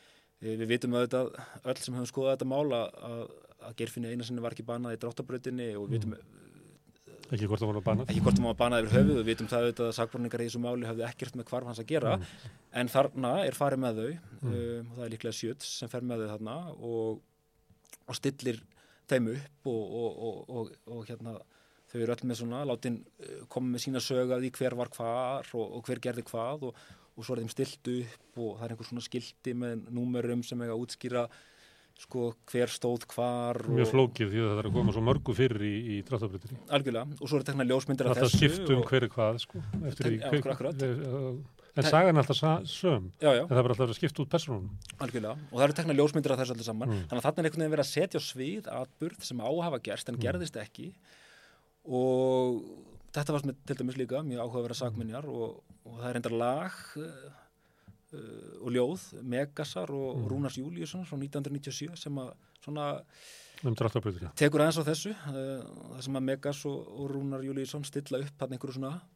vittni í dráttarbröðinni í Keflavík, kvöldið sem að ekkert gerðist mm.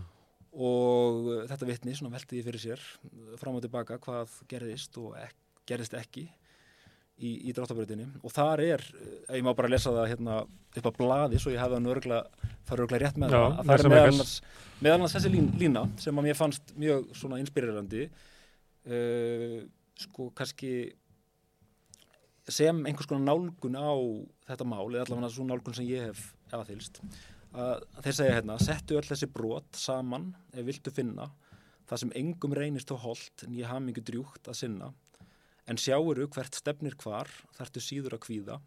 Við vorum öll þarna hvert og eitt þetta kvöld á dráttarbröðinni, hvað sem það átti að þýða. Þetta svona með að sko, setja saman þessi brot mm. uh, og komast á að einhverju mynd sem engum reynist á hold, en ég hafa mikið drúgt að sinna. Uh, já, það er þetta sem að svona vissanhátt kannski litar mína nálgunna málið. Mm. Uh, og, og, og það má alveg fara sko, aftur til rannsóknarinnar til þess að sjá svipaða nálgun þó í allt öðrum tilgangi um, að þegar, það, þegar sagt, lauruglan þykist vera búin að rannsaka málið og þykist vera búin að ná fram eða, já, já, játningum og sem eiga að sanna það að, að domþólanir í málunni hafi hérna, verið valdir að kvarfi, Guðmundur og Gerfins mm. Að þá er búið til bladamannafundar í Sakadómur Reykjavíkur annan februar 77 held ég. Þetta lunga var málum það fyrir dóm og, og rannsónin er ekkit, henni er ekkit lokið þarna. Þá eftir að gera ímislegt annað, þá eftir að laga guðmyndarmálið og ímislegt fleira.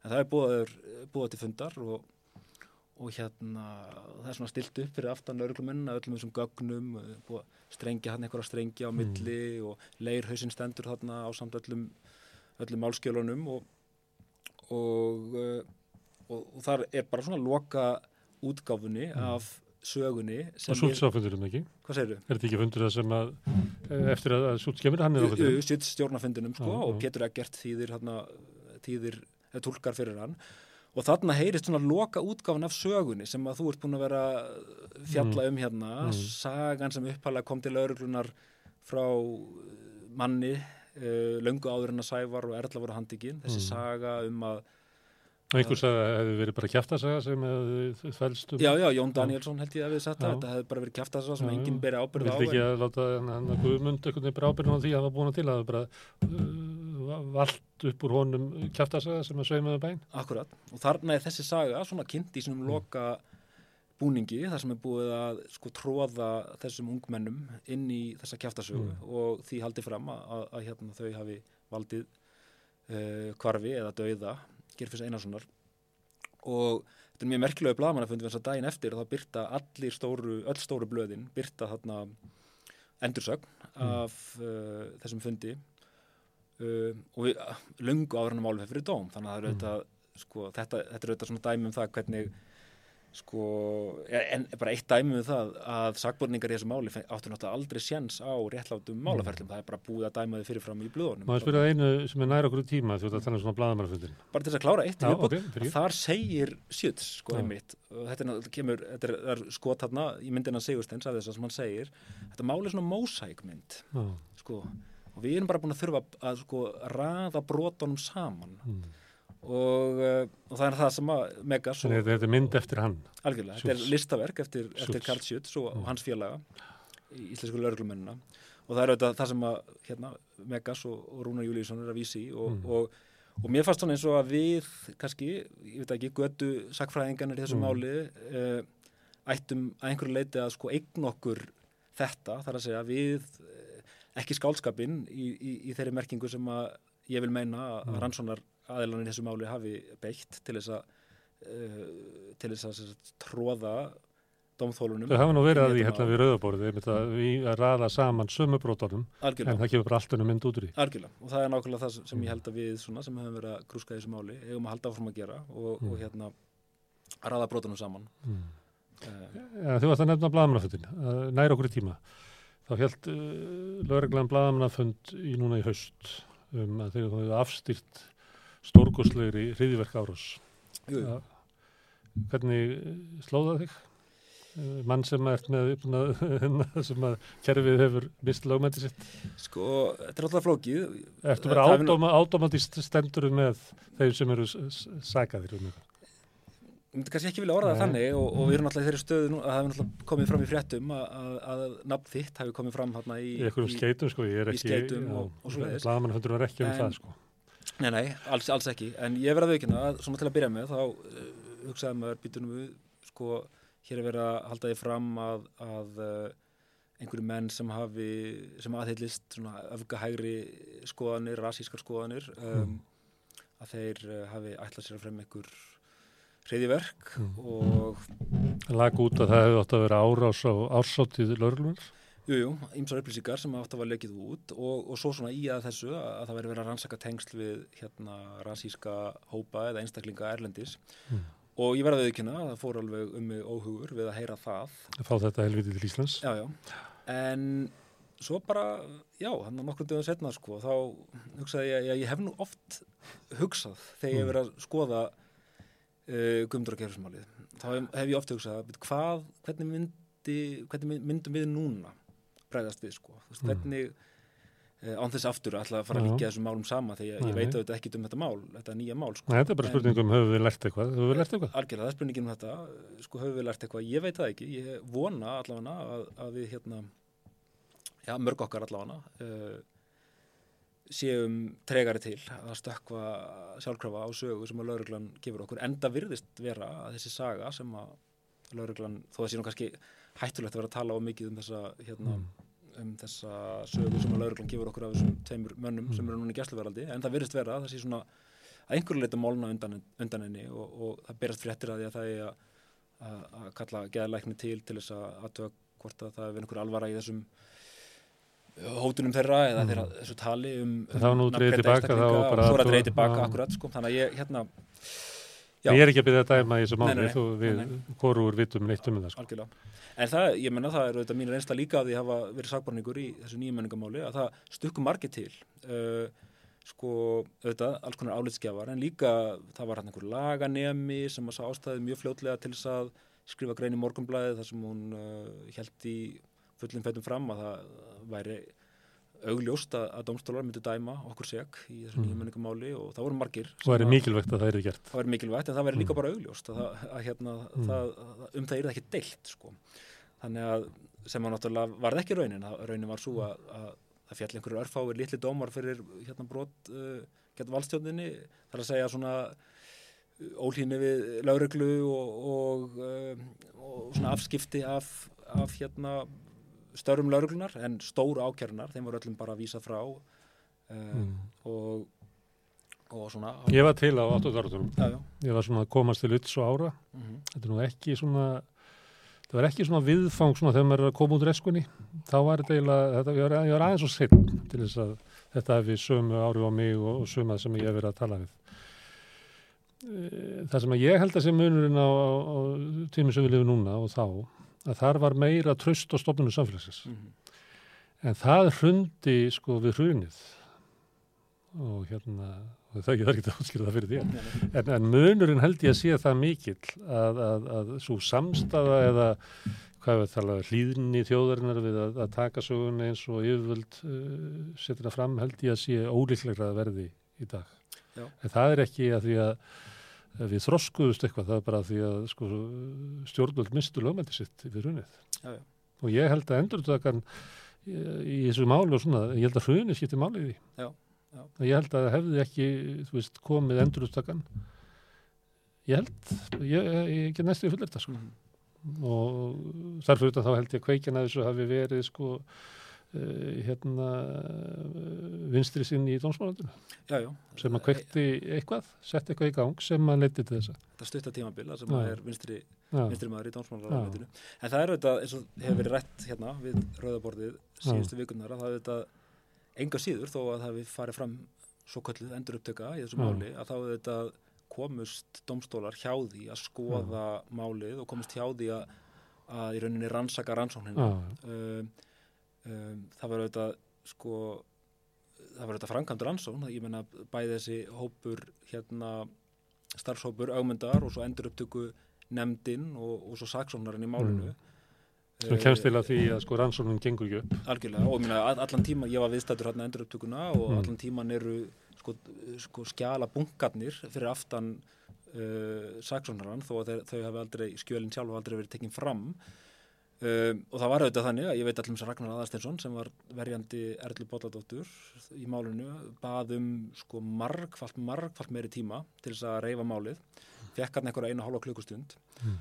uh, sem hann sagði þetta að það væri alls ekki nóg til þess að fara yfir þetta mál mm. og, og, og ég er auðvitað sammála því ég held að eina leginn til þess að fara yfir þetta mál sé að gera af því einhvers konar kort í hlutvöldunum einnum moti einum þar að segja að það þarf að mm. skoða hvern einasta sko hvert einasta horn mm. í þessu máli. Við þurfum að sjá öll mósæk stikkin. Já, við þurfum að sjá þau öll og við getum hugsaði mósæk sem einhvers konar pixla sko, mm. við þurfum einhvern veginn að við þurfum að standa fram með fyrir bara hverjum einasta uh, pixlramma sko, mm. eða hver einasta pústli til þess að skoða þetta mál um, og þarna, hvort sem það er þá vegna þess að saksónarinn í málinu ákveður að fara fram á síknu, alveg eins og verjendunir eða hvort að hann gati ekki annað, ég er ekki lögfræðingur, ég áttum ekki alveg á því hvort hann hefði geta uh, sko farið fram á sakvellingu og þar alveg endi gert að verkum að dómurinn hefði þurft að, mm. að fara við málið en með þessari mm. ákvörðun þá, þá sagt, kemst kerfið hjá því að skoða málið og eina sem dómararnir sko, lögðu fram fyrir utan dóminn sjálfan sem er nú einhverjar 5-6 síður og eiginlega bara formsatriði mm. samanborið við mörg hundru síður mm. dómsins frá 1980 Þannig að saksónarinn hérna fer fram á síknum. Algjörlega. Þannig að dómarinn getur ekki mikið gert. Algjörlega, og, eh, en, en Ragnar Aðarstesson til dæmis, mm. sem var hérna enga síður, sko kræðist þess að það yrði færið við málið og að dómarinn er sko í ljósi þess að þetta mál væri einstakt og í ljósi mm. þess að það væri einstakt að báðir málsæðilar færið fram á síknu að þá væri tekið til til þeirrar kröfu verjendana að það er farið við málið almennilega og það er tekinn tími í það uh, en dómarannir, þeirra eina framlag annað en dómarinn sjálfur var auðvitað bara að benda lögmannunum á að tíminn væri að vera búinn sko mm. og sem séðan gera það verkum að, að dómarinn er eitthvað formsatrið mm. sem að sem að fer ekki yfir rannsónina mm. En við þurfum að rannsaka rannsónina Rannsóna nefnd alþykis, væri það eitthvað sem að Sko ég hef heyrt um þetta sko aðstandum. Helga var að lagða það til einhvern tíman, ég veit ekki hver örlug þingsálutunum til og uh, líklega hefur bara ekki komað að dasgra. Nei, nei, Tryggvi Rúnar Brynjason, uh, hérna mm. barnabat Tryggvar Rúnars Leifssonar, hann hefur talað um mikilvægi þess að, að það hérna Þannig að það, ekki, það er eiginlega ekki hægt að reyna að fá réttarkerfið til að taka þetta mál. Það er bara... Og svo... Að þetta skiptur okkur máli hérna bara sem samfélag. Egum við ekki bara reyna að leysa þetta þá í ykkur svona rannsónaskil? Sko ég held að það sé mjög mikilvægt sko í fyrsta lagi að, að Erla Bolladóttir verði síknuð og, mm. og þegar við tölum um að Erla Bolladóttir verði síknuð þá tölum við auðvitað líka um að Sævar Siselski og Kristján Viðar mm. verði síknaðir því að þeir eru ennþá hérna segir fyrir meinsæri og rákasakja bókum, bókum kervisins fyrir meinsæri. Mm. uh, það er auðvitað mjög mikilvægt og ég held að það sé mjög mikilvægt að, að hérna einhvers konar uh, rannsóna nefnd takki máli fyrir og, og, og það er bara mikilvægt út frá sjónarhóttni samfélagsins og út frá sjónarhóttni domþólana í málinu og, og aðstandina þeirra sem eru hérna látnir. Uh, en ég er auðvitað bara mjög skeptískur á að að kerfið geti tekist á þetta mál í það minnsta meðan fólk er ennþá lifandi sem tengist þessu máli, bæðið mm. domþólar og, og hérna og þeir sem koma á rannsónunni og, og dómum mm. í málinu þannig að sko En rannsónan nefnd alþykis? Já, ég hlustaði nú, ekki... nú á, á samræðinu þína við Sigurstein hérna sem hann vilti meina að það væri bara ekki til mannskapur í að Ná, gera þetta hérna á Íslandi en þess að fólk þurft að grafa það djúft ofan í mm. skítin að líklega sæði það fram á að, að fá ekkert mörg tækifæri í lífinu eftir það, ég veit ekki eða, það er kannski ég vona ég að, já, ég, svona, mér varst mm. Sigursteinn, Halbartin gefa það til kynna mm. og hann talaði um að það þyrti einhverja erlenda aðstóði af vel, sko ég, sko, Hann sagði það nú eiginlega að meðal hans út á þessu máli þá var hann búin að er svo gott sem er misa trú á íslensku samfélagi sko. það er bara þannig Algjörlega. þannig hann var ekki, það var ekki bjart yfir honum þegar hann var að horfa á möguleika okkar til að gera þetta málu Nei. en við þurfum að, ég þarf að spyrja því hvernig gerðum við gert þetta málu? Já, þá held ég mitt, sko, eins og ég sagði fyrsta lagi þá þarf að síkna þau þrjú af mm. meinsæris ákjörunni og það þarf að koma sko ábyrðinni sem er á lauruglunni og á rannsónaræðalum aftur til hennar, það eru auðvitað lauruglan sem að hann tekur og frelsisviftir fjórmenningana, það er ekki einhver ungmenni sem eru fyrst í fangaklefa mm. sem að einhver fjögur, fimm ungmenni í fangaklefa hafa ekkert vald til þess að að fara út í bæ og handtaka og frelsesvifta menn. Mm.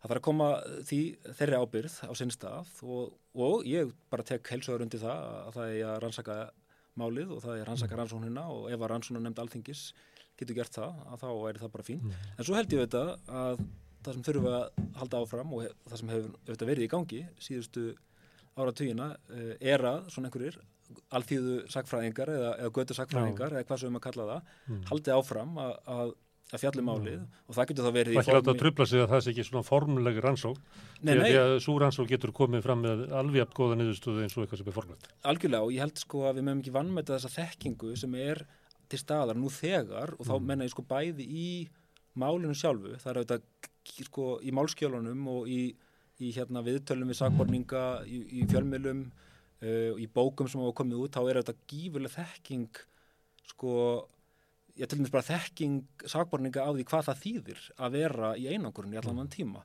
Uh, ef ég má lesa upp, þá tók ég smá hérna sínidæmi mm. uh, Jón Danielsson sem hann reyndar hérna eða einn af þeim fyrstu til að, tala um þetta mál sem skáldskap mm. rakst á grein eftir hann frá 1997 þar sem hann talar um leirburðin í lauruglunni uh, hann tekur vittal við Sævar Siselski í 1997 akkurat og spyr hann hvað gerir maður í einogrunnar klefa mm. og Sævar svarar það er kannski vonaðu spyrjir maður býður, maður situr á fletinu maður býður, maður gengur um gólf Það eru stuttar gönguferðir, maður býður, maður hugsar, maður býður, maður er hrættur, maður býður, maður hlustar, maður býður, maður verður ofbásla reyður, maður býður, svo hættir reyðin að vera til, hún deyr, maður hættir að hugsa, maður svitnar, maður býður, manni verður kallt, maður býður, Skyndilega er kraftmikill blásari settur í gang og látin blása lofti inn í klefan gegnum loftræstikerfið. Loftrýstingurinn eikst, maður fær blóðuna sér, maður býður, í einangrun býður maður, maður dopnar að sömu leiti en fljótlega verður maður samt eins og hengtur upp á þráð. Þannig leiði mér í mörg ár, ég var heldofinn en samtímis eins og hengtur upp á þráð. Mm. Þetta er bara eitt dæmi um þá þekkingu sem er mm. sko uh, til staðar nú þegar mm. á áhrifum þessa máls. Mm. Og höfum í huga, hann er að lýsa einhverju sem er umvel ólýsalegt sko. Það gerir það vel með þessum orðum. Algjörlega. Þá er, vitum við að bakvið þetta er einhvert ástand sem er bara eiginlega ekki hægt að koma í orð. Algjörlega, Kristján Viðar lýsiði líka, ég ætla kannski ekki að lesa það allt upp en, mm. hann, hann segir á einhverju tímapunkti sko í klefanum gatmaður ekki um annað hugsað og þá á hann við heldur en skýslunar, næstu mm. skýslur, hvað kemur fram í næstu skýslu, hvað á ég að segja næst, hvernig á ég að, mm. að sko koma mér undan, hvernig á ég að, mm. að, að hérna, reyna að komast í þann út. Mm. Svo segir hann, ég ógs inn í veggina, þeir voru grænir, ég hætti að finna fyrir líkamannum, var bara haus, haus. Mm. Sko þannig að ég held að, já, aftur á spurningunni, ég held að við höfum að gera þessari þekkingu sem er til staðar, mm. hátt undir hauði, og þeirri þekkingu sem er til staðar í sko, öllum þeim rannsóknum sem að sko amatörarnir sem hafa verið að skoða þetta mál uh, hafa kallað fram eða skapað eða hvernig sem við tölum um, um þekkingu uh, þessi þekking er miklu meiri og miklu áhugaverðari heldur en þessu þekking sem er til staðar innan kervisins og ég held að sko samhliða því að máli sér ansakað af rannsónanemnd og samhliða því að, að máli sér tekið upp uh, og, og hérna Sævar, Erla og Kristján síknuða mensaris uh, mensaris sökinni svo kalluðu þá held ég að að við höfum bara að halda áfram að skoða málið og við höfum að halda áfram að, að, að búa til nýja þekkingu um þetta mál og við höfum að halda áfram að, að Þetta er stór hluti í, í þjóðarminningunni og... Algjörlega, við höfum að halda áfram að gera það upp. Það er nú frækt að hérna Þú þarfi, það var rétt að segja að þú verður, það er eiginlega, með því að vera íslendingur þá verður einhvern veginn að taka afstöð til þetta máls. Já, algjörlega. Með og... þetta ég veist að það tala um skjöni þú ætti að lesa þau að hérna Verðin Hersog eh, þegar hann er spörður um sko hvað þarf ég að því hann fyrir út með fyrirlist alltaf hvað þarf ég að gera til þess að vera góður kveipinda þá segir hann að þau verður að lesa og lesa og svo nefnir hann uh, meðlannas hérna, snorrættu mm.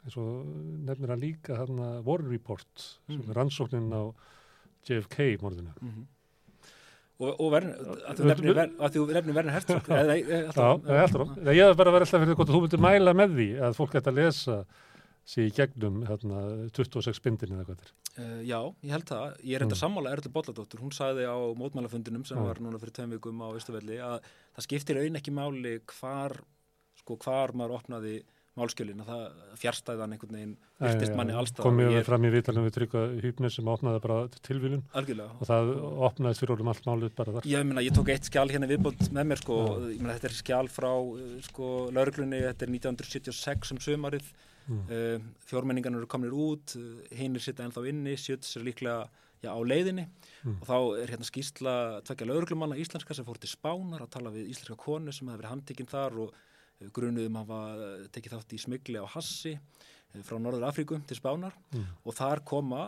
hérna, þetta er bara hluta domskjölunum, uh, þar koma fram, sest, er þessari konu, eða sest, segja lauruglumennin að þessi kona hafi sagt um alls konar kæftasögur mm. af sagborningum í Guðmundur og Geirfjöldsmálunni, þeir notaðu þetta ekki kæftasögur en, en þetta eru svona hryllingssögur einhverjar sem að ég veit að Viðar Víkingsson notaði eitthvað í þeim skotum sem hann tóku upp mm. af myndinni sem hann hafði aldrei að klára og, og og þetta er bæði svona eitthvað já svona einhver pathetic tilrönd til að lýsa þeim sem einhverjum svona já í anda hugmynda um mannsson gengið, mm. það er verið að tala um einhver strákur hafi farið heim til já heim til Sæfars og Erlu held ég og honum hafi verið bóðið te og verið sagt að það væri sko nautablóð í teinu, hann hefði síðan drukkið teið og þá hefði þau spurt sko hvernig bragðast blóðið og guðmyndi eina sinni alls konar svona sögur mm. og svo er meira sér að kæftarsaga sem sínur nú hversu, sko, hversu langt þetta fór um það að já, Sævar Sisselski hafi þá held ég 13 ára eh, verið fenginn til að fara á þingvelli og kveika í sumabústað fórsættisafra, mm. Bjarnar Bendiktssonar, mm. konu hans og, og Barnabats. Þannig að svona þetta er ágættist dæmi sko, að þú lendir mm. inn á þessari blaðsíðu, þú opnar málskjölinn engustafur og lendir á þessari blaðsíðu. Það áttarðu þetta strax á því mm. hvað er í gangið þarna. Algjörlega. Og hérna Uh, býtu, þannig að já talandu um Werner Herzog, er bara Já. til þess að halda áfram. Þá held ég, ég, ég, jú, ég mæli með því að skoða þetta. uh, Erla Bolladóttir sagði nú einhvern veginn við mig sko ekki ekki halda áfram, þetta endar aldrei vel uh, sko, sko ekki halda áfram að skoða þetta mál þannig að það fer aldrei vel fyrir þeim sem að skoða þetta mál. Mm. ég veit ekki hvort að ég sé sammála því en, en hérna uh, en um leið sko þá held ég það er þetta ekki nóg að lesa skjölin. Við þurfum að gera eitthvað við þau, við þurfum að kalla fram einhverja merkingu eða einhverja þekkingu Já. sem er hérna til, til staðar í skjölunum. Werner Herzog segir stundum ef hann er ásakaður um að, að hérna vera ekki hlutlaus í sínum heimildamöndum þá segir hann, já hvernig á ég að hérna vera hlutlaus? Á ég að nota símaskrá Manhattan sem kvikmyndahandrit eða eitthvað svolítið sko? Telli upp ein, ein, hérna eindóma staðrendir Já, já. og það er þetta ekki nóg að lesa málskjölin og, og endilega týna til hinn á þessa staðrendi þá er þetta að gera eitthvað við staðrendinar Mm. og, og, og, og svona Mm. ræða saman einhverju mynd og einhverju merkingu. Þú veist að ég hef sittið hérna og rætt við ímsa sem að, að, að hafa þekkingu og kunnátt á þessu máli. Og það verður ræ- rætt um alls konar persónum sem hafa komið, Haugur og Kristján og lauruglumenninir lauruglumenninir og svo náttúrulega hérna, krakkarnir og, og, og hérna þeir sem að fjórmenningarnir svo kallu. Mhm. En þú lýsir eiginlega aðalpersonan í þessari sögu er þýskur rannsóknarlauglumæður. Já, Það er það hann sem að semur söguna. Já, allavega á einhverjum tímapunkti hann, er- hann, hann, þessu saga sem að, eh, fer fyrir dóm Já. er hans höfundaverk. Hva, hvað, getur þú sagt mér aðeins, eh, hvaða maður er þetta? Uh, já, við náttúrulega fjöldum um það aðeins áðan svona hver hans saga er uh, sko, hans túlkur á Íslandi allan tíman var Pétur Eggert sem hafði þá verið sendiráðsritari og sendi herra Mm. og varð aftur set, eftir, ekki, setna aftur sendi herra í Þískalandi að þér virðist jafnvel sem svona einhver umbun fyrir þáttöku sína þessu máli mm. uh, hann ég sá að Sults fekk hérna, fálkórðuna. Já, já, hann og fleiri embættismenn þýskir Já. fengur fólk áruna. Pétur Eggert skrifaði fjölmargar svona eh, skáldæfisögur, mjög, já, svona sérstakar, ekki sérstaklega skemmtilegar, Mm. uh, sem gerast þarna í einhverju ímynduðu landi sem heitir Sagnaland og verður þetta Ísland og, og Reykjavík er hérna, held ég, hann- held ég hann kalli Fögruvík, eitthvað svo leiðis. Mm.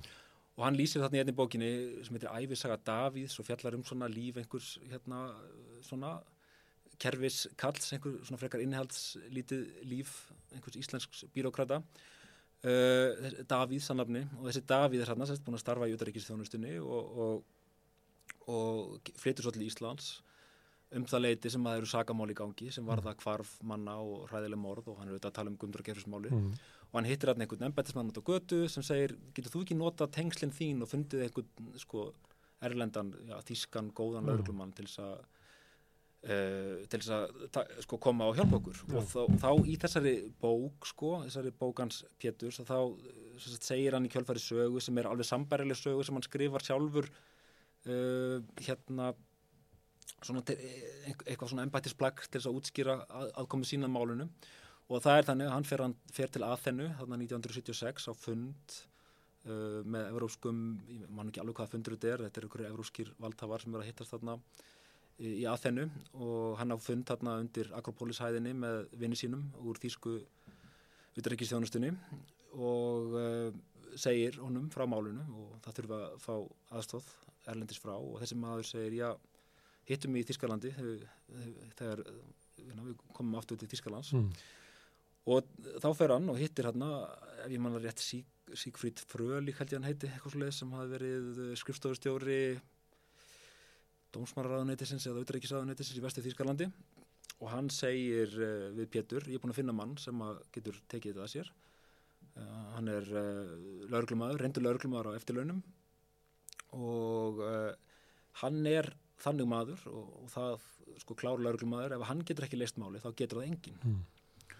og úrverður hann að sjöts kemur til landsins og uh, og það svona vekur upp ef ég, já svona við það sem ég hef lesið það vekur upp svona ólíkar tilfinningar sakborninga að hitta sjöts Erla Mm. mm. Bolladóttir lýsið í sinni æfisögu að hún hafi haft miklu trú á því að hann myndi sjá í gegnum vitleysuna, Þau voru náttúrulega vonuðu það, eh, vonuðu að bara löggan myndi stoppi það. algjörlega Þannig og það er líka þannig að þú ert í miklu vandraðum að þá ertu svo vongóður að það er bara minnsta breyting getur fyllt í von. já, já. Mm. og uh, hún hérna en hún náttúrulega verið fljótlega fyrir vonbröðum að þess að hérna þess að hún sér að, hann segir náttúrulega við hann bara um leið og hún útskýri sína hliðamálun og þá segir hann heldur í þessi halvviti uh, og þannig að hann fer á stað uh, ásamt hérna sínu fólki þar að segja íslensku lauruglumönunum, mm. rannsækjandunum í málunum við það bara að klára þessa sögu, þessa sögu sem að upphala barst lauruglunni búa til eitthvað sem að geti litið út og samvöku algjörlega. Og þá eitt af því sem hann gerir auðvitað er að sem skiptir máli er að hann eða svona undir hans stjórn þá er Guðjón Skarpjensson handikinn og uh, það er kallið fram hann að játning frá honum um að hann hafi tekið þátt í í, í mm. morðinu á gerfinni uh, það er svona eitthvað ef, maður skoðar sögunar uh, fram að því sko að þá hafi alltaf verið einhver, einhver þriði maður sko vant, mm. einhver, einhver maður sem vantaði inn í sögunar þannig að Sjútt sér um þetta, hann bindur saman allar þess að enda mm. Uh, hann notar einhverjar aðferðir sem að íslensku lauruglumannir uh, kunnu ekki til þess að fokka í minninu á, á sakborningum og, og, og kalla fram þessa mynd, ræða saman þessari mynd sem hann vil fá uh, Já, þannig að það er rauninni svona í stuttum máli mm. hver maðurinn er sko Pétur Eggerts í sinni bók í hann og aði að, að hann hljóti hafa átt fleiri nöfn og það, það getur mögulega, mögulega útskýrt hversu lítið er þetta að finna um hann mm. uh, hann er svona bjargvættur í málunu og, og það er bæði bæði bladamenn og það eru lauruglumenn og það eru jafnvel sagborningar sem hafa ákveðin trú að því að þarna kom einhver erlendur sjálfræðingur mm. uh, ég, ég einhvern tíman sko bar ég hann saman við já, svona ákveðið ákveðið tæki sem var notað vist í grískum harmleikum þegar sko harmleikaskáld hafðu eiginlega mála svo til hotn og, og, mm. og, og þegar það voru komin á þann stað að sagan sko, að lausn sögunar gata ekki lengur sko falist sko, í sjálfur í sögunni mm. og, og þá kemur svona skinn, uh, Deus ex machina held ég að þessi mm. kalla það sem að einhverjum guði er er, er, eh, er hérna guði er svona dregin inn á sviðið í, í krana úr einhverju vél sko og láti henn leysa málið og ég held að Sjútt sé akkurat hann er maður hann er, mm. hann er, hann er svona guð úr vélinni Það lítið vitað um hann Hva, um Hvað var það um hann eftir að fór frá Íslandi? uh, með fólkóruna? Sko það er eitthvað sem kannski einhverju aðri að vita mm. betur, uh, hann hérna samkvæmt í, sko, í skáldsögu Pétur uh, þá fer síðan þessi Davíð sem er þá Pétur, skulum við mm. segja aftur til Þýskalands og er sendiherra í Þýskalandi í kjölfarið og vingast þar eða þar heldur vinátt að hans og, og Sjöts áfram, Sjöts heitir reyndar Karl Jéger í, í bókinans mm. Davíð sem að því er Karl Veidimaður og, og hérna en en en þeir sérst halda vináttunni áfram og verða einhver svona trúnaða vinnir en það er hins vegar sko manneskja sem að veit kannski eitthvað meira um sjöts heldur en við hinn og það er hún heitir held ég Berglind Áskistóttir mm. ef ég mann rétt uh, var bladamadur á dagbladinu held ég nú, núna ef ég, mm. ef ég er að fara með einhverjar sko örlittla mm. þá lögum við það hmm. en að hún og uh, ljósmyndari Sest, voru handtekinn uh, stutti eftir að Sjöts kom af lauruglunni hérna á landi þar sem þau voru að reyna að ná myndum og tali af Sjöts mm. Um, það var svona ákveðin hérna, það var ákveðin svona hulu haldið yfir honum til að byrja með. Morgumbladið byrti einhverja skopmyndir sem að Sigmund teknaði mm. uh, það sem var í að því að hann var í gammal nazisti mm. hann fór í meðiramál við, við, við morgumbladið og vann það vegna þess sko. Og það er svona eins og það ætti ekki alveg að sko, afhjúpa hver sem maður væri. Um, að halda þessari svona guðlegu leind yfir honum, en þau þarna Berglind og, og ljósmyndarinn sem ég man ekki hvað heitir fara og allar hérna ná myndum á honum einhvers starf fyrir utan mötuneyti ríkistarsmanna mm. og eru handtekinn um, og það er til viðtal við það sem lýsa þessu þau lýsa þessu og síðan uh, fjallaði stundin um þetta, rifjaði stundin þetta upp fyrir nokkrum árum og þá er haft samband við, samband við hana og, mm. og hún var þá held ég sendiherra sjálf í Fraklandi mm. Og segi frá því að hún hafi starfað í utarrikistjónustunni í Þýskalandi í kjölfar sagt, eftir, eftir Guðmundur og Gefræsmáli og kynst þar Karli Sjöts þannig að hérna að því gefnu að ég sé að fara rétt með staðrindir mm. og, og við hérna Það hefur rétt í sundri. Aðtökum bara nöfn mm. og, og, og hérna titla á dagblöðum mm. eftir á. Þá náttúrulega væri áhugavert að heyra hvað hún segir okkur um, um mm, Sjöts. Sem er líkil maður í þessari sögu. Algjörlega. Það eru nokkri svona, uh, annar er náttúrulega Geirfjörður Einarsson sem er oft nefndur en við vitum lögulega ekki mikið um. Nei. Mm. Og enn minna um Guðmund. Nei, nei. Mm. Það getur vel verið að sé einhverja kenningar uppi um það, hvað varðum þá. Mm. Ég hef svona ekki...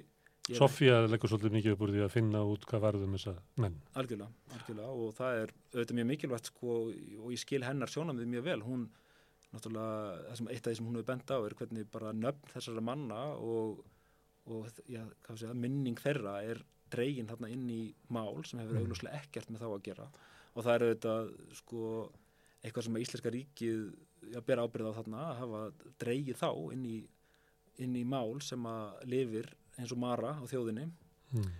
eða á samfélaginu mm. þessa ára tvíi mál sem, þeir, sem tengist þeim ekki neitt mál sem snýrist aldrei um þá um, en heitir samt heitir samt eftir þeim sko. mm.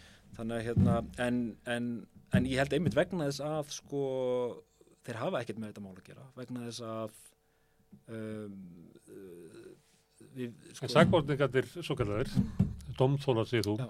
þeir hafa ekkert með þetta mál að gera fjórmenningarnir hafa ekkert með þetta mál að gera ekki heldur Þannig það er eiginlega rannsakadunir og, og, og þíska rannsólurljan sem eiga þetta mál.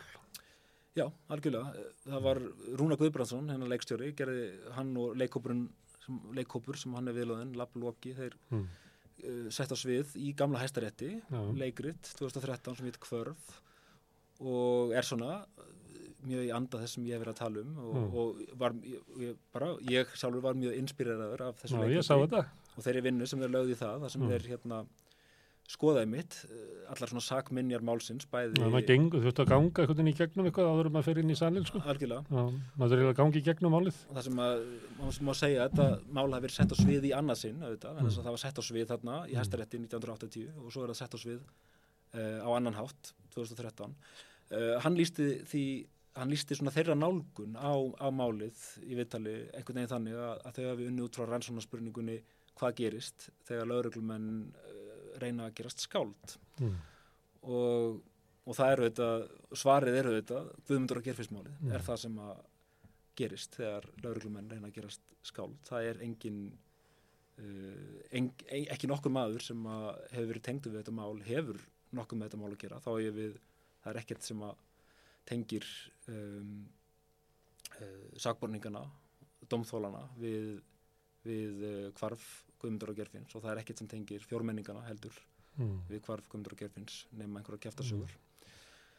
Þannig að svona listræn álgun eins og þú hefur notað og, og rúnar og viðar og fleiri mm. er kannski kannski gáleiri verk, verkværi að nota heldur en að reyna að, að reyna að, að finna svona sense out of nonsense eins og þetta er Já, það er spurning ég, ég myndi ekki vilja sko gera upp á milli ég Nei. held að við máum nota bæði. bæði ég er ekki færum að gera uh, þá rannsón sem að uh, aðstandendur og domþólar í málunu hafa kallað eftir ég er ekki færum að vera í þessari rannsónanemnd sem þurfti að rannsaka mm. það en ég held að við sem að hérna, höfum enga síður áhuga málunu og höfum svona byggt okkar rannsóna málunu út frá þessari sannfæringu sem mm. kemur strax í upphafi um að, um að þarna séum dómsmóra að ræða. Ég held að við ættum að halda áfram mm. hvort sem það eru við nákvæmlega við sem höfum verið að þessu eða mm. aðrir einstaklingar og ég held að það sé mjög mikilvægt að kynslu, þetta mál lifi með kynnslóðunum, það eru þetta má ekki verða mál sem er sem að deyr með sko e, þeim sem að til er að sömu kynnslóð. Það mun ekki gera það sko, þetta er það stórt mál. Mm. Ég, hérna Mér er dótt í hug hvort að ætti að pröfa að hafa svona þáttum gerfismálið þar sem að veri kannski þrýra þessu sérfræðingum að vera upp á sviðu og svo veri, getur verið gestur í sall já, já. af því að ég held þetta sé ég bara teki eftir í viðbröðunum og svona við þessu að, að, að þetta er lifandi og stort mál og hvað er margir áhugaðus og margir áhugaði að kynast þessu betur og eitthvað og vegna þess að þetta er svo mikið svona okkar mál eða svona samviskumál þjóðarinnar að það væri kannski mér langar til að finna að leiði til þess að hafa þannig að fólk gæti þú veist ég fyrir bara spurt um sko hérna hafnabúðina þarna hvað var að gerast og líka ég, það er svo eh, bara gaman að, að, að hlusta á fólk sem hefur svona mikla djúbstæði þekkingu mm -hmm. Ég held líka sko að það sé svona ákveðin já, það er svona ákveðin uh, klísja eða hvað við kallaðum það mýta sem mm. svolítið svona fylgir þessu máli sem er eiginlega það að þetta sé svo óbærslega flókið mál og þetta mm. eru þetta vissan átt óbærslega flókið þetta eru þúsundir blaðsína af, af gögnum mm. og þetta eru endalusar sögur sem er verið að breyta uh, lauruglunar er að reyna að tróða þessu fólki inn í eitthvað skapalón sem að er sem að hún mm. er með þannig til staðar og ef það eitthvað passar ekki, einhver bíl bíltegund passar ekki inn í söguna þá er henni bara skipt út og það vantar eitthvað vittni þá er hann bara sóttu til spánar mm. og einhver maður sóttu til spánar og honum er kent eitthvað rulla klukkunni bara breytt og svo framvegis klukkunni breytt hlutir átt að gerast á, á, á, á þrejum kortur sem að tekur sko þrjá tíma að gera algjörlega, mm. þannig að þetta er auðvitað opaslega sko, það, sko ef maður, maður horfir þannig á máli þá er þetta opaslega flóki mál en svo er þetta kjarni málsins Já, sem varðar bara sko það ofbeldi sem að Íslenska ríki beitti þarna nokkra einstaklinga mm. um, hann er ekkit flókin og ég held að það sé svolítið mikilvægt að, að hérna að halda því til haga og sko að því ég kom nú með hérna mm. nokkra papirja með mér þá langaðum við kannski að fá að lesa sko eitt viðbót stutt mm. sem að mér finnst lýsa kannski svolítið kjarnar málsins uh, að það er þannig að sérst Sævar Síselski er þarna í síðumólafangilsi eins og allir aðrir uh, sagbúningar í málunu Uh, og þetta er sumarið 1976 uh, aftur, það er nýbúið að sleppa fjórmenningunum mm. og sjöts er á leiðinni. Og þá gerist það að, að uh, það er annar fangi sem kemur út úr síðumálafangisunum og hann hefur samvættið fjölmila og segist vera með bríja frá Sævari. Mm. og þetta er staðfest í, í hérna fanga Við höfum talað þennan mann við Rauðaborðið. En af öðru tilöfni okay. við vorum að, að hann var að segja okkur frá lífi útíkjósmanna í, í hérna Reykjavík, kallaður Össi gamli. Já, já, ok, þetta er hann. Já, og hann, hann, hann sagði mér hérna, því miður þá var ekki allt það samtal inn í þættinum mm -hmm. en ég keirði hann út á Granda aftur mm -hmm. og þá rakta þetta allt saman fyrir mér. Og ég fikk að ég ná honum aftur því að tala um gerfismann og þetta er, menna, þetta er bara staðfest í fangilsdagbókunum og, og gögnum að, að sérst, hann uh, það sem gerist er að þeir eru að skrifa bref sín á milli og þeir eru að nota einhverja greiðu sem er festa uh, hérna brefin við og svo band og svo er það, sko, það er ekki þröskuldar á, á hérna mm. í fangisistýrunum, þannig að þeir eru að svona láta hérna, þeir eru að íta greiðunni, kasta greiðunni á milli mm. uh, og hann kemur hann út með nokkuð bref og hefur sambandi fjölmjöla og segir ég er hérna með bref frá einum af sakborningunum í þessum máli, mm. þessum mannskvarsmálum sem allir er að fylgjast með og býður fjölmjölum að kaupa þessi bref og, og býðu þeim að koma og skoða þau og aðtöðu hvort þau vilja kaupa öll brefin og eh, sko í að, svo gerist það hérna það sem ég ætlaði að vísa í er umfjöllun frá því undir lok þessa sama árs það sem að uh, tveir bladamenn, Ómar Valdimarsson og Bræði Sigursson er að fjalla um hérna svona það sem hefur gerst í málinu frá því að, að Guðmundur og, og Gerfinnur hörfu og hann segir meðan þessa sögu að það hefði komið þessir, að þessi, að þessi samfangi Sævars hafi komið og sagst hafi þessi bref mm. Og svo segir hann innihald brefana var svo sem ekki merkilegt aðalega yfirlýsingar Sævars um hróttaskap lögreglunar, mm. fasisma og sakleysi sitt mm. þetta þótt ekki mjög merkilegt mm. þetta var ekki merkilegt, ég veit ekki alveg hvað hefði þurft til þess að þeim finnist innihald brefana mm. merkilegt, hvort er já, rósuðu fanginsiskoknum fyrir matinn eða, eða mm. hvað það ætti að vera en þessi svona, svona lengi fundist þessi setning þótti mm. lýsa kernamálsins fólki hafði engan séns það átti engan séns. Og hvort sem það var þá gagvart rannsónarlaðalum gagvart dómurum, gagvart fjölmilum gagvart samfélaginu þetta sem að treysti á frásagn í fjölmila af málunum þó ég vil kannski ekki heldur reyna að setja mér í spór einhver sem að, eða ég menna ég var ekki til á þessum tíma og ég átti mikið endilega alltaf á svona stemmingun í samfélaginu og eins og þú lýsir að, að, að, að það verist hafa ríkt svona og ég verðt fleiri uh, hérna tala þannig að það hefur ríkt meira tröst í garð yfirvalda, allavega í vissum, uh, vissum stöðum samfélagsins. Mm. Ég drefði bara álutun á svona mælingum sko ég, uh, og svona einhverju reynslu mm -hmm. að það hefði verið þannig og það var líka náttúrulega þessi hérna trú á því að, að fólk sem er í notaði eiturlíf við svona begðis ekki undir sko gröfur samfélagsins að það væri bara eiginlega uh, víst til alls Algjörlega og það, það, það svona sko... mannsson uh, fjölskyldu minni sem ja. bara lifir áfram og það er auðvitað eitt af því sem að, svona, kemur fram ef maður skoðar málskjölin eða sagminjar málsins eða mm. hvað sem við kjósum að kalla það að það er þessi ofboslega einfalda og hættulega hugmynd um gott og ílt sem mm. kemur hérna fram uh, Þú sett bara að vís til alls Algjörlega Drekka sko, blóður fólki Við þekkjum auðvitað hérna, yfirlýsinga Ragnars Hall sem var saksonari í hérna, endur upptöku beðinni mm. Sævars um að sagborningarnir hefði ekki verið einri kórdrengir, sóttur í fermingavislu mm.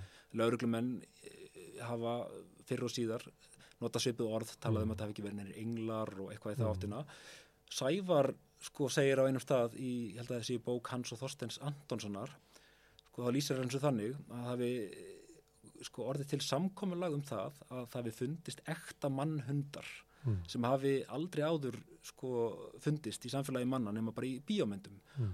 og þeir varu vísir til alls og ég held að Stefán Unstinsson orðið að líka einhvern veginn á þann hátt hann segir sko útlitið eitt og sér mm. eiginlega dugði til sakvellingar sko mm. þannig að það er og það, það er þessi mynd af fólki, þessi ofbóðslega einfalda og hættulega mynd Ótrúlega fordæming Fordæming sem byrtist mm.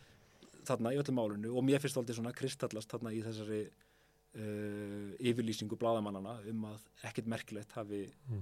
uh, leynst í brefum Sævars nema yfirlýsingar um hróttarskap lauruglunar og sakleysi hans mm. og maður hefði nú haldið að vera fréttnæmt að uh, einstaklingur sem að hefur setið, já þarna líklega í halda ári í einogrunn uh, í umdelda skrifur þetta á litla miða og vefur því utanum Argjörlega, maður myndi að halda að það væri merkilegt að við komum til líst yfir sakleysi og líst því yfir að lauruglan væri að beita sig ofbeldi mm. Herðu, Smári Pál Takk fyrir að koma hérna við og halda á fram, framhalsugunni Takk fyrir uh, Hlustendum þakka ég kærlega fyrir að staldra hérna við Rauðaborðið og hlusta okkur í kvöld Við höldum áfram við Rauðaborðið á morgun klukkan átta og þá verðum við með eitthvað allt annað á dasgrá. Góða nótt.